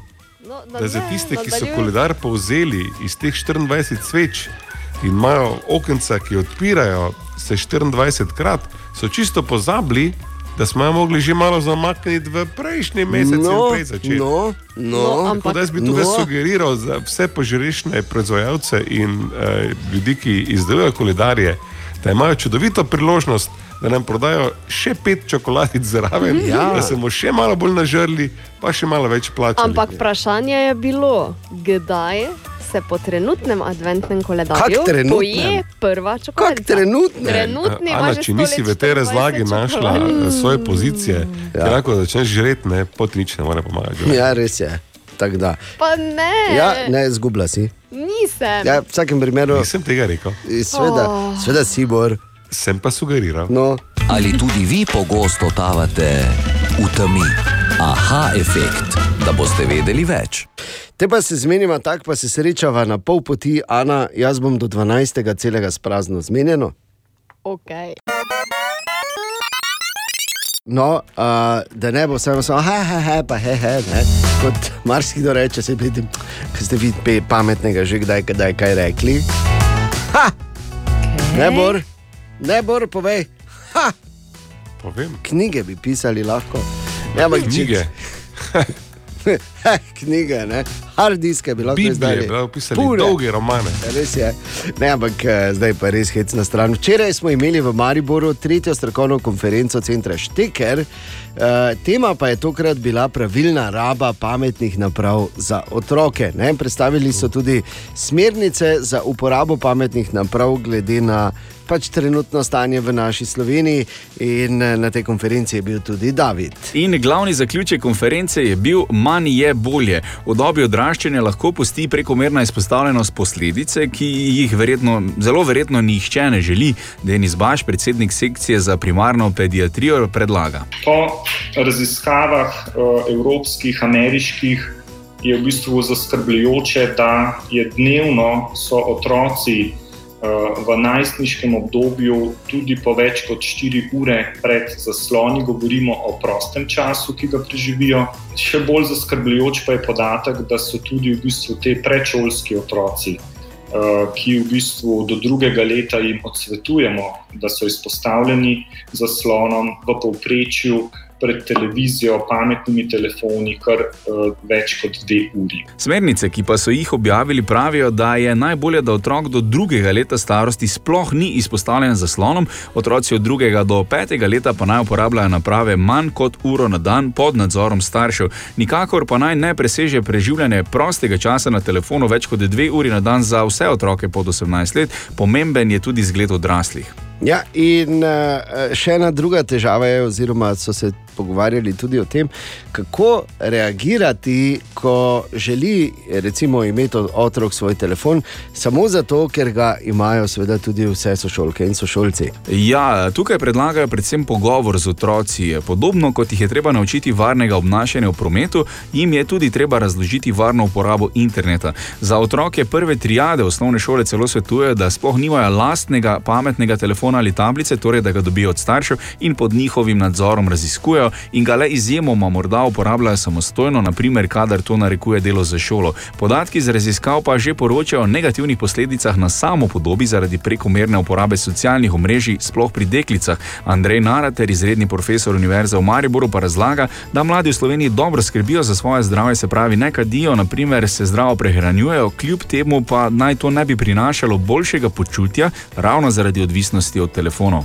Prva stvar, ki je v porastu med mladimi, je stres. Ta zadeva je od leta 2010 do leta 2020 narasla za več kot dvakrat. Druga zadeva je osamljenost. Na koncu so sklenili, da je potrebno pametno nadzirati uporabo pametnih naprav pri otrokih z geslom Manj je bolje, smernice za uporabo zaslavnov pa najdete na zdravniška zbornica.si. In ne bi bilo slabo vreč oko gor. Želimo dobro jutro. Dobro, Dobro jutro. E, in glede na to, da je danes že 2. december, poznamo koncept teh božičnih poloverjev. Ne? O, ja, ja, ja. In jaz imam eno idejo, ja, fajn, fajn, fajn. Jaz imam eno idejo za, za letos. Okay. Ja, kot seveda vodilni modni uh, Strokovnjak jutranje. navdušenec, v bistvu. Okay. Tako. Sama ušesa so me. Ja, res je. Torej, uh, moja ideja za božične puloverje za leto 2021 je, Ja? te prosim, ne jih metno. Še enkrat, dobro jutro. Dobro, Dobro jutro. jutro. In ta 2. december ni nepomemben dan v zgodovini, še več. Eh, Na 2. decembra pred 106 leti, leta 1915, vse to 106 let nazaj, ne? Uh, ja. ja, ja, ja. Okay, okay. Prav na današnji dan je ljudem postalo, veš, taki moment je bil, ko je vsaj ena oseba mislila, da zdaj pa bo vsem vse bolj jasno, pa so vsi samo še, vedno, še bolj debelo gledali. In sicer Albert Einstein je predstavil svojo teorijo relativnosti. Ja, ki jo poznamo v, v formuli E, je mc kvadrat, v resnici pa marsikdo nima pojma, zakaj gre. In uh, morda je zdaj, ko je ura 9 minut čez 6, 106 let kasneje, tudi jaz, ki imam zelo, uh, bom rekel, tako robno poznavanje pomena te teorije in vsebine, mm -hmm. uh, da mogoče povem, pa bomo vsi skupaj robno vedeli, zakaj gre. ne. Okej. Okej. Se upravičujem vsem velikim strokovnjakom, ki so danes tam zunaj. Ampak eh, to je zdaj v bistvu teorija relativnosti za telebane, ne? na nek način. Ja. Čeprav verjetno obstaja ta knjiga tudi, ki jo lahko kupiš in si prebereš. Torej, moramo vedeti, ko govorimo o teoriji relativnosti. Uh, kaj ona v bistvu razlaga? Enih par komponent ima. Ena je, da moramo vedeti, da se predmeti ne premikajo ali počivajo absolutno. Se pravi, ti, čeprav počivaš, ne počivaš absolutno, ampak vedno relativno drug do drugega. Ne? Ah, Ja, okej, pazi, ja. predstavljaj si, da se pelje en kombi. Ne? Kombi pelje s hitrostjo 50 km/h. Ja. Na kripi zadaj, čeprav je v nasprotju z vsemi varnostnimi in cestno-prometnimi predpisi, Ja. stojita dva otroka. Okay. Okay. Ja, ne? ima odprto kripo kombi, taki ma, mali ja. kamionček je v bistvu. Ne? In se pelje s 50 km/h. In čeprav se on pe, pelje s 50 km/h, uh, fantka zadaj, eh, zgoraj, če bi se recimo tako zagledala, ne bi imela občutka, da se premikata za res. Ne? Razen če bi zabremzal ne? Ja, neki ja. določeni točki. In potem si z fantka zadaj začneta metati žogico, sem pa tja, ne? ko se premika kombi naprej, si ona dva mečeta žogico s hitrostjo 10 km/h. Okay. Vse skupaj opazuje njun bratec, ki stoji na tleh, pri miru. Ne? In se kamion mimo pelje 50 na uro, ona dva si mečeta gori žogico na kripi z 10 km na uro, bratec vidi, da se žogica premika, ker se šteje z 60 km na uro. Ne? Ni res. Ker tudi bratec ne stoji pri miru, ker se tisti trenutek, ko on misli, da stoji pri miru, zemlja vseeno premika in vrti skozi vesolje. Razumeš zdaj? Okay. Nič ni absolutno, vedno je relativno, glede na pač ostale predmete, s katerimi in, eh, si v interakciji. Naslednja komponenta, hitrost svetlobe, je enaka za vse opazujoče, ne glede na hitrost, s katero se gibljejo relativno do svetlobe. Ne? Okay. Torej, svetloba gre vedno isto hitro, Ja. kar za vse ostale stvari ne moremo reči. Ampak svetloba pa naj bi šla vedno isto hitro. In pa moramo se zavedati, tudi čas je zelo, to je tretja komponenta, tudi čas je relativen. Čeprav mi imamo občutek, da je absoluten, sploh ko greš pet minut prej iz službe in te absolutno šef na tuli. Ja. Ampak tudi on se ne zaveda, da je čas relativen in ne teče za vse in vedno enako hitro. Mhm. Spet relativno do ostalih predmetov, s katerimi se v gibanje ostalih predmetov. S katerimi si v interakciji. Ker moramo vedeti, da bolj ko bi se približevali hitrosti svetlobe, eh, bolj počasi teče čas, in eh, če bi šel z hitrostjo svetlobe, potem bi čas stal pri miru. Ampak po drugi strani, mi ne bomo nikoli, vsaj po teoriji relativnosti, dosegli hitrosti svetlobe, ker bi za to potrebovali uh, uh, neskončno veliko energije in tudi naša masa bi se širila v neskončnost. Efekt, ki ga poznamo na koncu decembra, mimo grede, oziroma v januarju. ne? In, če, uh, in to je tudi še ena razlaga, zakaj nikoli ne bomo šli nazaj v čas. Uh. Zato, ker ko gre, če čas stoji pri hitrosti svetlobe, da bi potovali nazaj in popravljali svoje napake, bi morali po- potovati hitreje od svetlobe, za kar pa ne bomo imeli dovolj energije, po eni strani, in eh, naša masa bi se širila v neskončnost še naprej. Tako da pozabite na idejo, da bomo kadarkoli potovali nazaj skozi čas. Pa da, zakaj uničuješ sanje? Vsaj, vsaj za enkrat. In uh, EMC kvadrat pa v bistvu razlaga tudi, da vsak objekt ukrivi tako imenovani prostor, čas, v katerem se nahaja, in razlaga njihovo obnašanje, ko se premika skozi vesolje. Mhm. Okay? Okej. Nam je zdaj vse skupaj bolj jasno, niti ne. ne? Ja, zdaj, če ne bi bilo to tako Tega 13 prostorčasa. minut čez šesto, mogoče bilo. Okay. Pač probo sem. Obletnica te, tega velikega znanstvenega dognanja, enega največjih v zgodovini človeštva, je pač treba obeležiti. Pa dobro jutro. Dobro jutro. Dobro jutro. In uh, ko listamo uh, torej zanimive naslove danes zjutraj, imaš med drugim na voljo še enega, ki pravi takole: če spiš na levi strani, zaspiš hitreje. In tu bi jaz imel samo en dodatek: če delaš zgodaj zjutraj, spiš kakorkoli. Web, web, web check. Torej, Katja, kaj imamo danes tam v Uni? Kristina Aguilera bo prejela svojo prvo sploh nagrado za glasbeno ikono. Lepo. Ki ga bo, oziroma to nagrado dobi, eh, seveda, po izboru občinstva. A People's Choice Awards. Torej, ne? Točno tako. Zelo lepo, v prave roke gre. Se strinjam. Enako, torej po People's Choice Awardu, dobi eh, tudi kot modno ikono leta, torej nagrado za modno ikono leta, ja. kdo drug kot Kim Kardashian. Aha. Joj. Spet spregledan, tako se počutim. Gremo dalje.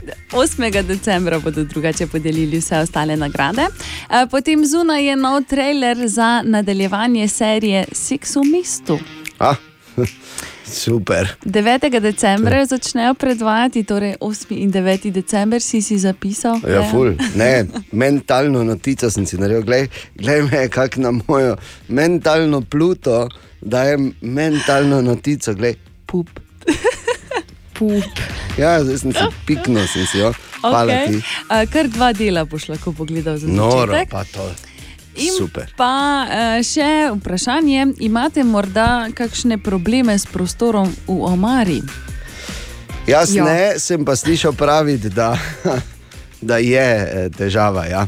Jaz osebno nimam nobenih težav. Ok, ja, no, torej mnogi ljudje po svetu imajo s tem težave in pazi, kaj vse so nekateri za to pripravljeni narediti. Kar polovica teh bi pristalo na nižjo plačo, Za več, če ki zdaj govori za več prostora v omari. Tako, okay, tako. Dobro. Na nižjo plačo bi pristali, tudi na više kilograme, samo zato, da bi dobili več prostora v omari. Odpovedali pa bi se tudi. Ne, Katja, prosim, ne reči piki pokiju. Nisem delala jaz raziskave. Web check. Dobro jutro. Dobro jutro. Dobro jutro. Jutro. Tako, in ne morem verjeti o vseh težavah, ki jih imamo, kakšen halo je nastal, ko je prišla novica, da ne bojo več delali Mozart Kugel. Osebno sem mnenja, osebno sem mnenja da, da, da pač je marcipan ena od bolj nepotrebnih stvari, kadarkoli izumljenih na tem planetu, da, da so mandli, zato da se uporabijo v druge namene. Ja. Ja, no, Res, ja. tako je, zakaj bi marcipan delali in me to absolutno ne boli. Kar pa je zanimivo, da mnogi, ki so mi jamrali, kako ne bo več Mozart kugel, enkrat jih še v življenju nisem videl Mozart kugle jesti. Aha, In samo toliko. pač tako ljudje skačejo na vlak. Rekel bi samo to, uh, oziroma vprašal, da rešimo, kako to prizadene jutranjo ekipo tu. Preverimo, Katja. Jaz sem malo skrbna. A ja, Katja, Ne, povej. se vseeno, zdaj si že začela, gledana. Ja, Z veseljem prisluhnemo. Resno, Ja, povej. nisem še jedla Mozart kugle. In tudi ne boš. Ne. Očitno. Okay, torej, moram ti povedati, eh, dodati, da si samo malo boljša kot jaz, ki sem naredil enkrat en pajs. Katja, ti? Ja, jaz sem kar tukaj, tudi no, nisem je še probala, ker ne maram marcipana in niti si je ne bi želela probati. In tudi niti ne boš, kar Tako. nas pripelje do Bora.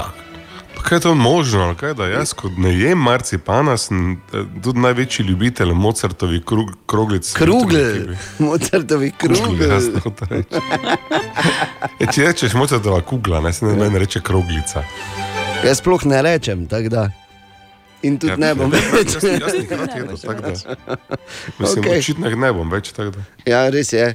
In, em, Sveda moramo povedati, da ko govorimo o takih stvarih, sploh kot so priboljški, ne, imamo tu enega uh, mahalca z repom, ki ne, po tamani vse. tako Da, ne vem, zakaj tebe sploh sprašujemo, karkoli. ko Se pogovarjamo o pri, priboljških. Ne. Uh, skratka, eh, ne bo jih več, razlog naj bi bil ta, da je podjetje, ki jih dela, bankrotiralo. Ne vem, kako lahko uh, gre, uh, oziroma kako lahko bankrotira podjetje, ki uh, ima v imenu eno največjih imen v svetu, v zgodovini človeštva, ne, nekaj, kar se imenuje Mozart. Bi moralo laufati, ampak po drugi strani pa se na zgodovina oči, recimo, tudi obstaja mesto, pa ne bom rekel, da je tako daleč, mogoče celo živimo v njem, v katerem celo, ne vem, farmacevtsko, podjetje ne dela tako velikega plusa, oziroma je delalo minus, se spomnim pred leti. da Vse je možno.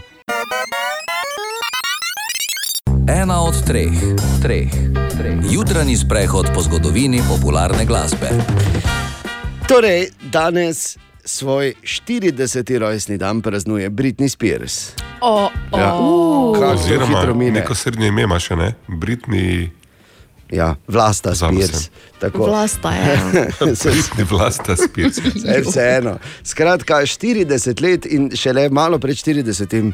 Eh, rojstnim dnem je šele eh, začela v bistvu sama skrbeti zase, več ni bil njen skrbnik, njen oče, to je bila ta saga, ki se je eh, dogajala desetletja. Tako da, če si stara 32 in še vedno doma, mirno. Za Britni je do 40. leta Ati skrbel. Naprimer, ne? ne po Žal ne po njeni volji, ja. Ja, pa dobro, no zdaj pa detajli, šmetajli. Skratka, Britni je danes stara 40, vsekala je kot meteor na glasbeno sceno eh, v 90-ih s hitom.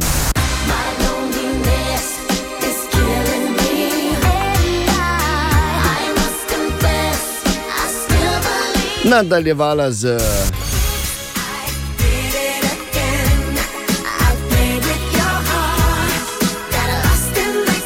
ali pa denimo.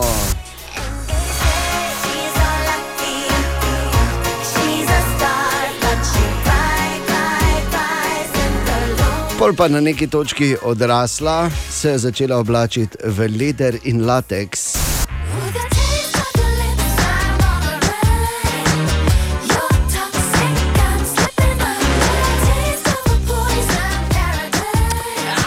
Ne vem, kako je to njen ati zraven gledal. Kakorkoli.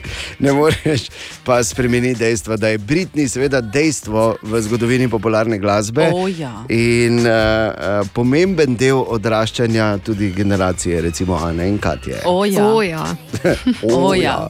Britney je torej danes stara 40, vse najboljše Vse in naj, vse naj.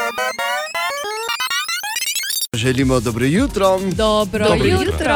Danes je 2. december, pomeni, da smo že globoko zakorakali v ta adventni čas in prav je, da človek malo razmisli o tem, kako bo obdaroval tudi svoje bližnje. Sveda ne govorimo o velikih darilih, govorimo o pač simboličnih, ki uh, pač kričijo, uh, mislim na te, draga prijateljica, dragi prijatelj. Ne? In tako sem jaz razmišljal, recimo razmišljam o cenjenem kolegu Boru, kaj mu je treba, kaj bi bilo recimo fino. In recimo ta trenutek, Bor, razmišljam, da bi ti dal za božič tri žakle koruze, zdaj ko šel v penzijo, boš baj kure imel. Ne?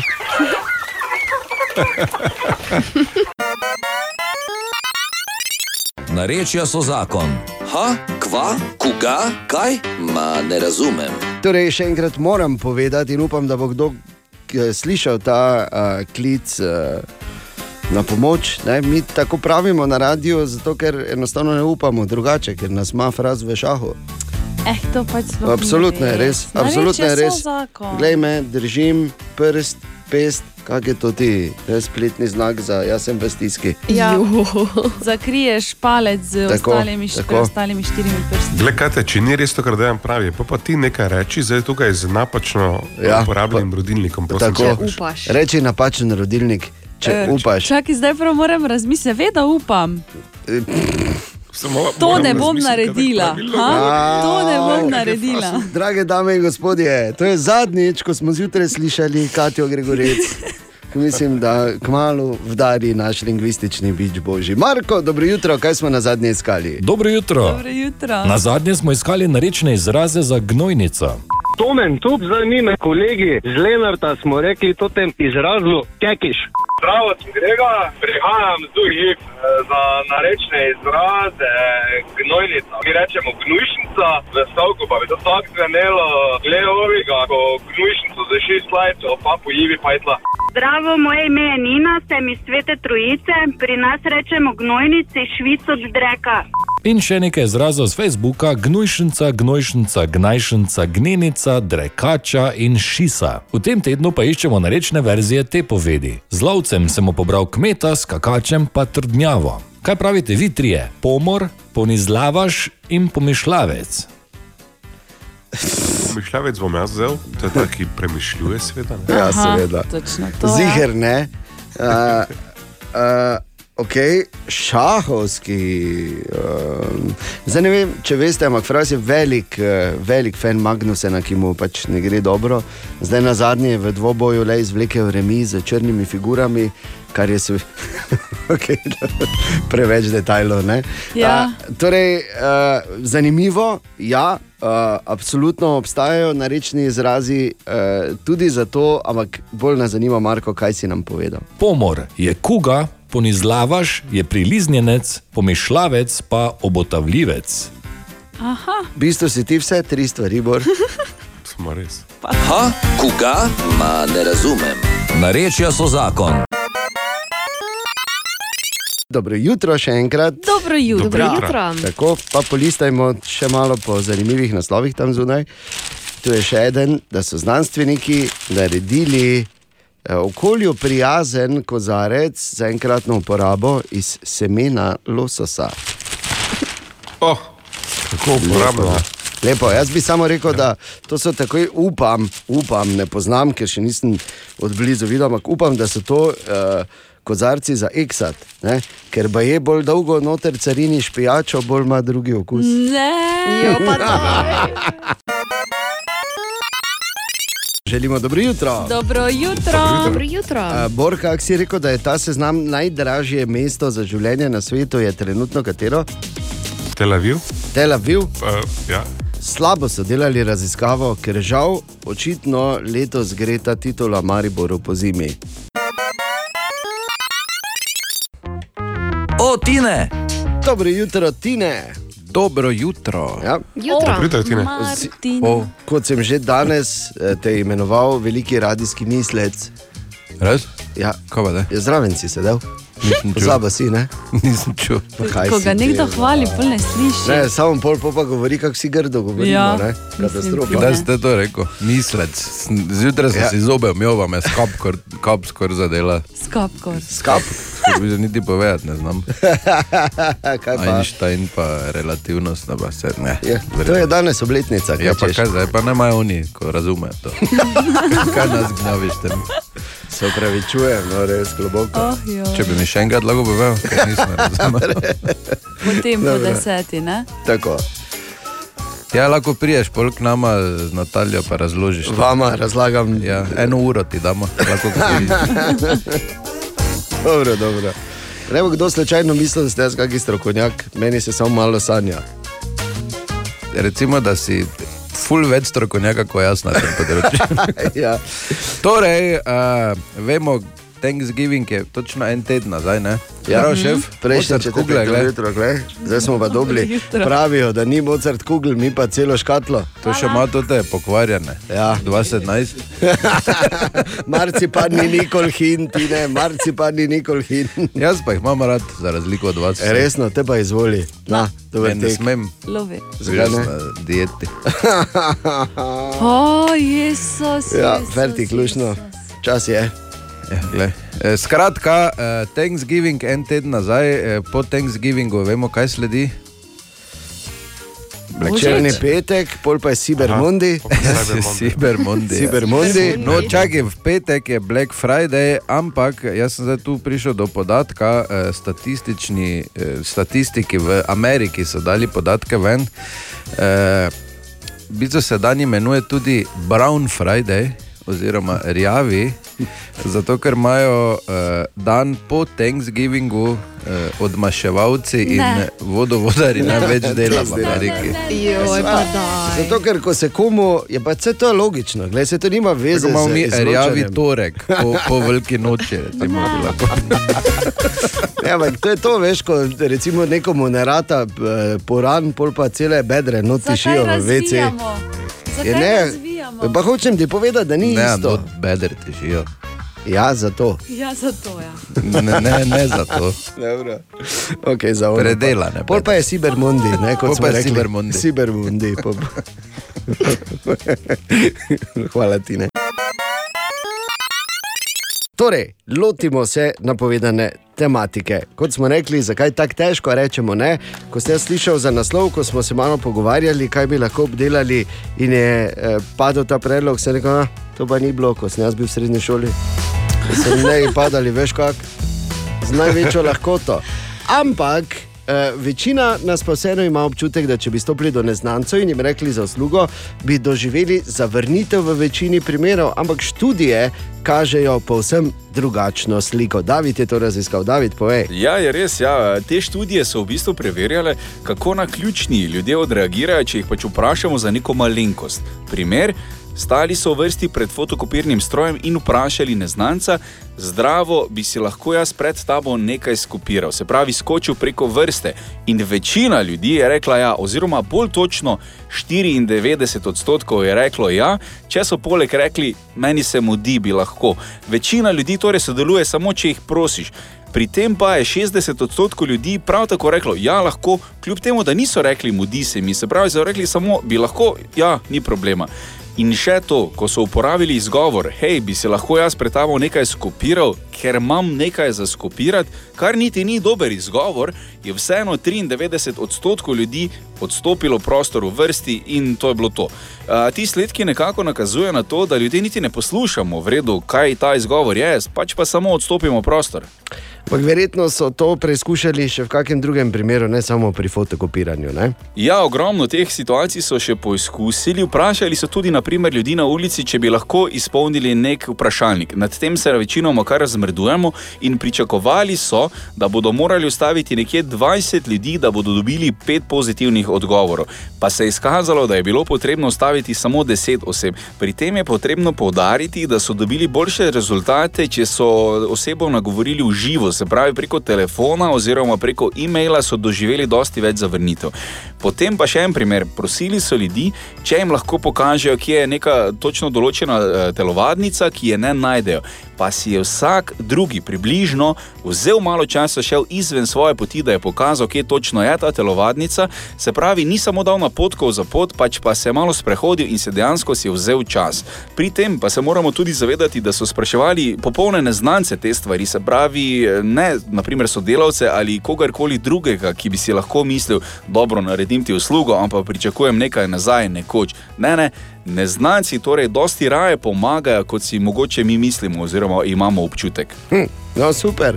Ampak eh, zdaj recimo govorimo samo o pozitivni plati. To tudi pomeni, da bi se lahko vsak nekje vrival vrsto ali pa pač ne vem, šopliftal neke ugodnosti, kar tak.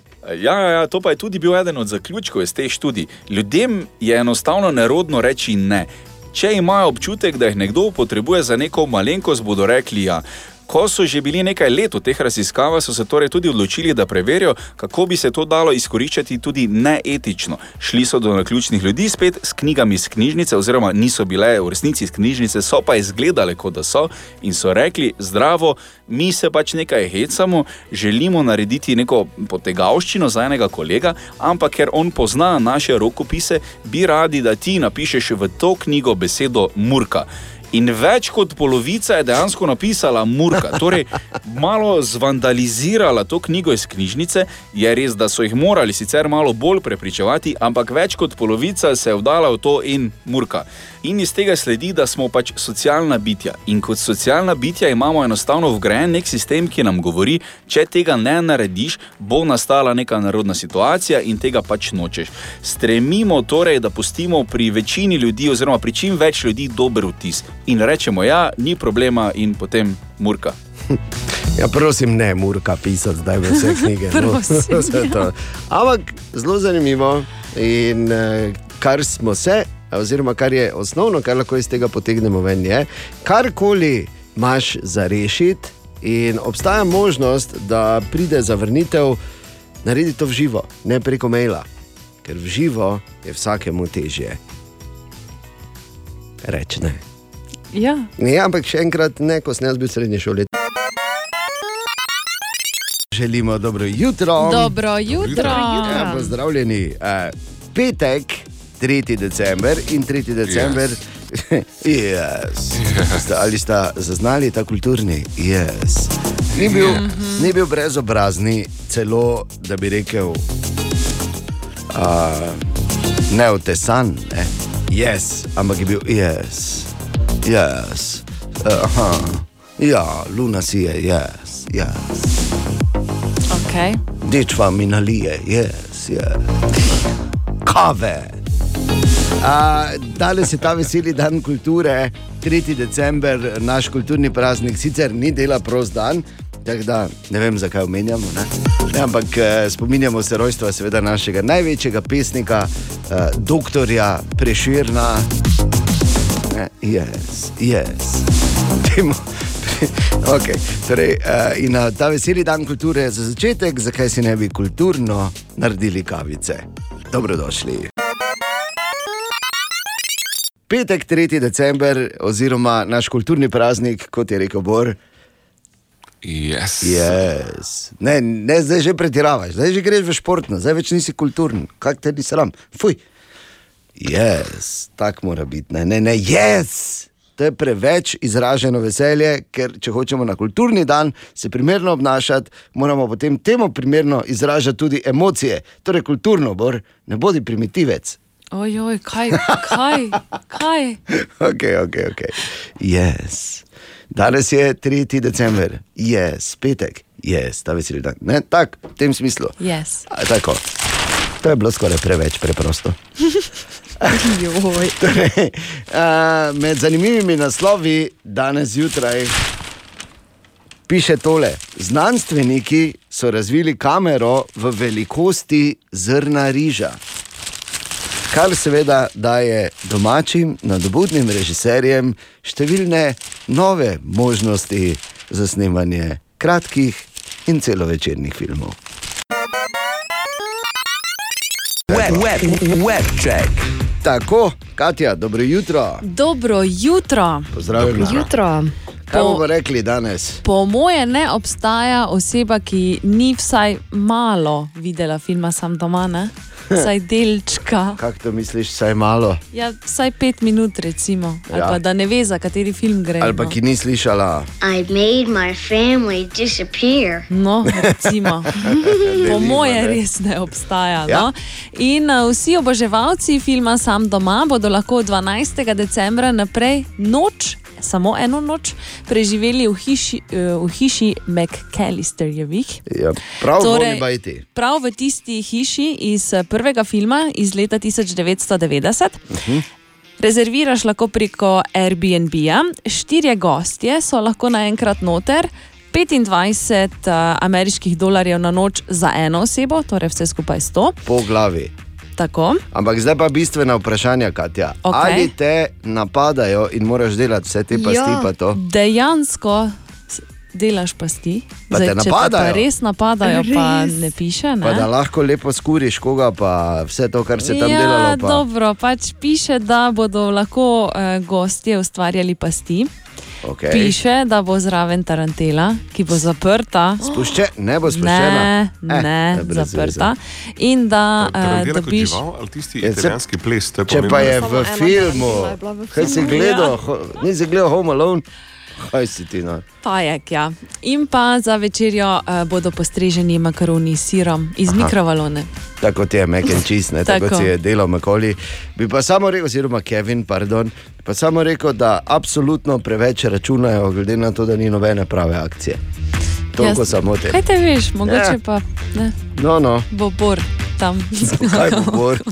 Bor bi lahko bil oni visoki. Bor bo Ja. pojedel vse to, okay, kaj še imamo? Torej, Sean- Sean Mendes je izdal novo pesem um, It'll Be OK, ki govori o koncu razmerja med njim in Kamilo Kabejo, in uh, mi imamo že par taktov. If you tell me you're leaving, I'll make it easy.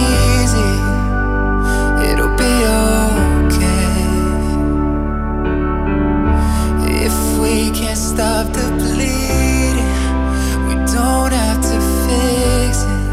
We don't have to stay. Pa kaj si ti nor, kako to gre v srce? Ja, zato Lepo. je napisano. Če ne? boš šla, če rečeš, da greš, ti ne bomo teževal poti. Ampak ti bom rekel, da Ja, je vse idi. v redu. Okay, Oziroma idi. bo. V bistvu, v bistvu je s to pesmijo povedal, da je komaj čakal, da zgine. Ne? Ok, gremo naprej. V kino je prišel nov sarajevski film Deset v pola. Točno. Film, ki govori o najboljših čevapčičih. Ja, v, v teh eh, pokoronskih oziroma pandemskih časih, ne, na Ja. Baščarši, Denis Stanovič je režiser in Đuro igra eno od glavnih vlog. tako Da, in kar je najbolj zanimivo, da že lahko to gledaš v Mariboku in da jasno, da imamo mi za to pripravljen tudi naš filmski trailer. Dobro jutro, jaz sem Gordana Matič, čula sem, da so ovdje najbolji čevasi v gradu.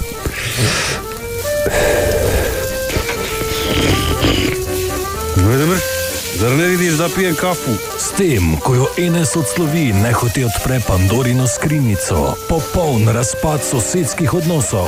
Ja, imam najbolje čevape. Ne, ja imam najbolje čevape. Kako ima najboljše? Pa što je to? Pa ne, ajde, ma, ajde, makni se, ajde, bež, ajde. Da Bog da ti majka prdnula na roditeljskom. Da Bog da se ti dok sereš zapalila kuća. Da Bog da ti kurje oči progledale. Da Bog da ti ispali svi zubi osim jednog koji će te boljeti. Da Bog da ti sise mlijeko procurile. Da Bog da bio usred pustinje, a imao vodu u koljenu. Da Bog da dalje smrdio nego vidio. Da Bog da ti majka bubrezima prala prozore. Da Bog da ti žena sisama požar gasila. Pa gdje sad ja da dobijem najbolje ćevape? A dođite gospođica, evo Sjedni. tu, ne, Ajde, ajde, dođite, šta si, ovamo, ovamo, ovamo, ovdje tako, sjedni. ovamo. Popoln razpad osebnih in poslovnih odnosov. Kdo ima najboljše čevapčiče v Sarajevu in ali jih bo Gordana dobila? Da, gladna sam! Aj, pa dobro, pa slaba, ajde bre, bare. Deset v pola v Mariboksu. Danes delimo 10 do 8 in ob 9 zvečer. Webcheck. Želimo dobro jutro. Dobro jutro. In lepo pozdravljeni na petek, 3. decembra, ko imamo seveda tu uh, eno vprašanje za, za Katijo in Ano, predvsem. Joj, Ali sta ve dve pripravljeni? Ne, nikoli. No, Ja. Mislim, ja, valjda. Mislim, koliko smo spremljali mi dva zborom, da bi zdaj rekli neki zavidljiv nivo pridnosti v tem letu ni bil. Ne? Prosim. A ja. Danes je že 3. december, vemo, kdo hodi v nedeljo. Zvečer kdo pride, A kdo to? poruži, kdo sketno zahakla, kdo odvleče poredne. Medtem pa mi dva zborom že imamo pripravljene svoje sokovnike, ker kot dva uh, zgledna in pridna občana dobimo ful mandarin. Ja, vem. naj z Ano pa očitno v ponedeljek ne bo Ne bo, ne bo. Tak, ja, letos pa so res dobre verjetnosti, da se to zgodi, glede na to, kar smo videli. Samo pač povem. Ena od treh, treh, treh. Jutranji sprehod po zgodovini popularne glasbe. Tako, pa uh, danes se ustavimo, pa bomo rekli takole, brez nekega posebnega razloga, ker eh, rojstnega dneva nima, ga ima šele februarja drugo leto in takrat bo star 70, ampak je pač enostavno kul cool se spomniti, da nimo kdaj tudi na 70, a ne bor, čeprav z vedno večjo bolečino. Bliže kot. ja, ampak takrat so, recimo, uh, marsikdo ne ve, uh, uh, torej pomagali so ustvarjati soundtrack 70-ih, The Doobie Brothers. In The Doobie Brothers pa so uh, v bistvu potem izvrgli. eh, Tudi svojega solo pevca, izvrgli. Pač, ko so se zaključili, to bi brothers, ko so rekli, ne moremo več, ali so si šli na živce, ali zaradi česar koli že bendi gredo na razen, je potem njihov pevec Michael McDonald vseeno uh, nadaljeval. Z glasbeno kariero in uh, super, da je naredil tako, ker če ne bi, ne bi recimo bilo tega krasnega, legendarnega dueta s Petty LaBelle v hitu On My Own.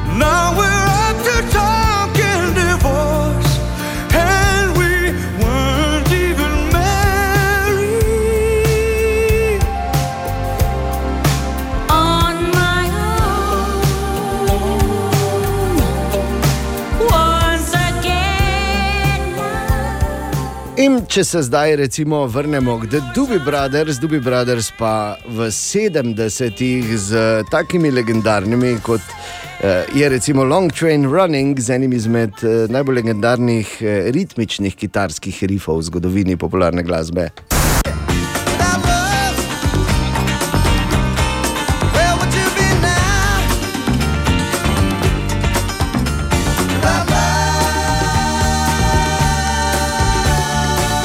Ali pa denimo s hitom Fool Believes.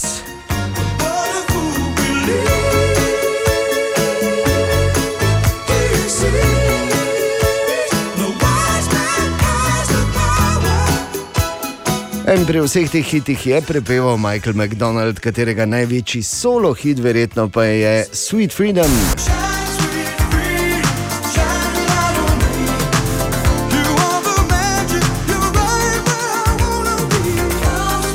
Pa kulturno zajemimo v zgodovino popularne glasbene kulture. Na ta kulturni, ta veseli dan kulture, ne na 3. december. Tako. Takoj po oglasih Michael McDonald, Sweet Freedom. Sveda še enkrat vsem skupaj dobro jutro. Dobro jutro. Dobro jutro. In pozdravljeni, petek je skoraj nemogoče Jo. vprašanje. Pozabila sem. No, vidiš. Na, na srečo ni pozabila Katja, ki je že zdaj vrsto petkov uh, zmagovalka, tako da se počasi ta naslov. Če nazadnje Ana zmaga. Včeraj, mislim, včeraj na zadnje, ja. Ana je zmagala. Ne, nazadnje. ne bo držalo. Ja, Pa ja. vedo, da je. Spet, pa se to ne Na more. zadnje je prišla tinka nazaj, ja. mislim, meso je prišlo z tinke, kako smo rekli. Mislim, da se ne menim o tem, da je zmagala, potem ko je meni vkradla odgovor. Ampak Ja, je pa tako zdaj- vedno vsi zmagajo. Okej. Drži, kaj imaš, pa bomo videli. Pa bomo videli, ali tudi tokrat tezensko meso shara, ne, kot se reče. Torej, in ni več v tunki. Uh, zdaj se spomnim. Torej, tudi danes je, je vprašanje iz statistike narejene v Evropski uniji, v katero zapade tudi Slovenija. In je kar zaskrbljujoče. Oh, Velja ne. za moške in ženske skupaj. Se pravi, ni ločeno, ni samo za ženske, samo vsi skupaj. In če bi dal vse skupaj na en kup, bi, sa, bi eden od štirih, vedno če bi jih po štiri zložil, eden ali ena od teh štirih ne uporablja tega. Kaj je- Deodoranta. Ja, glej. Zdaj pa idi dalje, kaj bilo to to. Kaj si ti, no?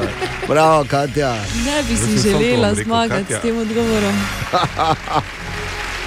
Čestitke, ali kaj bi rekel. Res, Pač. res. Hvala. Zdaj, ali, No. zdaj, ker moraš vedeti, To mi- veš ti tako, ja. Zaskrbljujoče je, ne, zato ker se rekel, ker je eno od štirih, mi pa smo štirje. Ne? Daj, no. Ali uh, Katja ve več, kot bi si kdo mislil, ali je kaj priznala, ali pa pač ima enostavno največji nos med vsemi nami. To, A mislim, to največji, ne. imam, ne? Ne, največji, mislim, nisem tako mislil. Najbolj izostren, Ja, ja, dobro, razumem. pač največji. Ne? Ja. Ja, čestitke, Katja, Ja, lepo, lepo. Zdaj pa takole.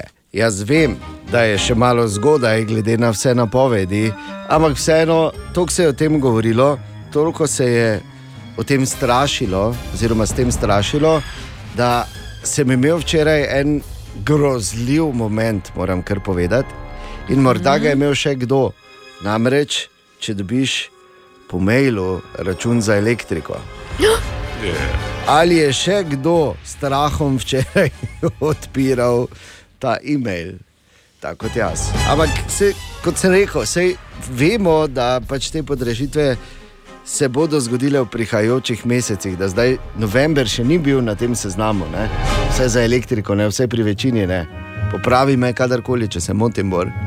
Ne, ne, ne, vrde, ogrevanje je bil problem v Mariboru november in december, tako ja. razlaga Perca, ampak elektrika pa še le bo problem.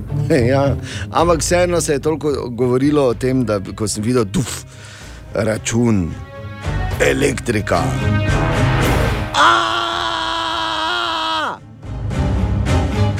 Ampak dobro, ni bilo potem tako eh, strašno, ne? ampak pravim samo ta moment. Pa... Huh. Tako da jaz sem se zdaj še enkrat več odločil, da definitivno, definitivno ne bom poslušal tvojih poročil, Bor, ker samo strašiš. Res. Tako da hvala ti. Se vem, da nisi kriv, samo pač nekdo, nekdo mora biti. Ja. Pač nekaj mora biti. Ne? Dobro jutro še enkrat. Dobro Dobro jutro. jutro. 3. december je danes.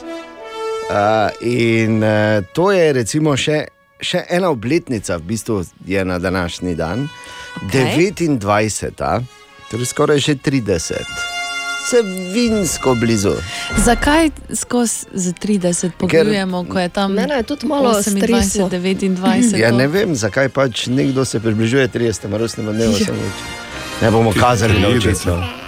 In prva stvar, ki se uh, približuje 30. rojstnemu dnevu, ja, rekel sem stvar, Okay. je SMS.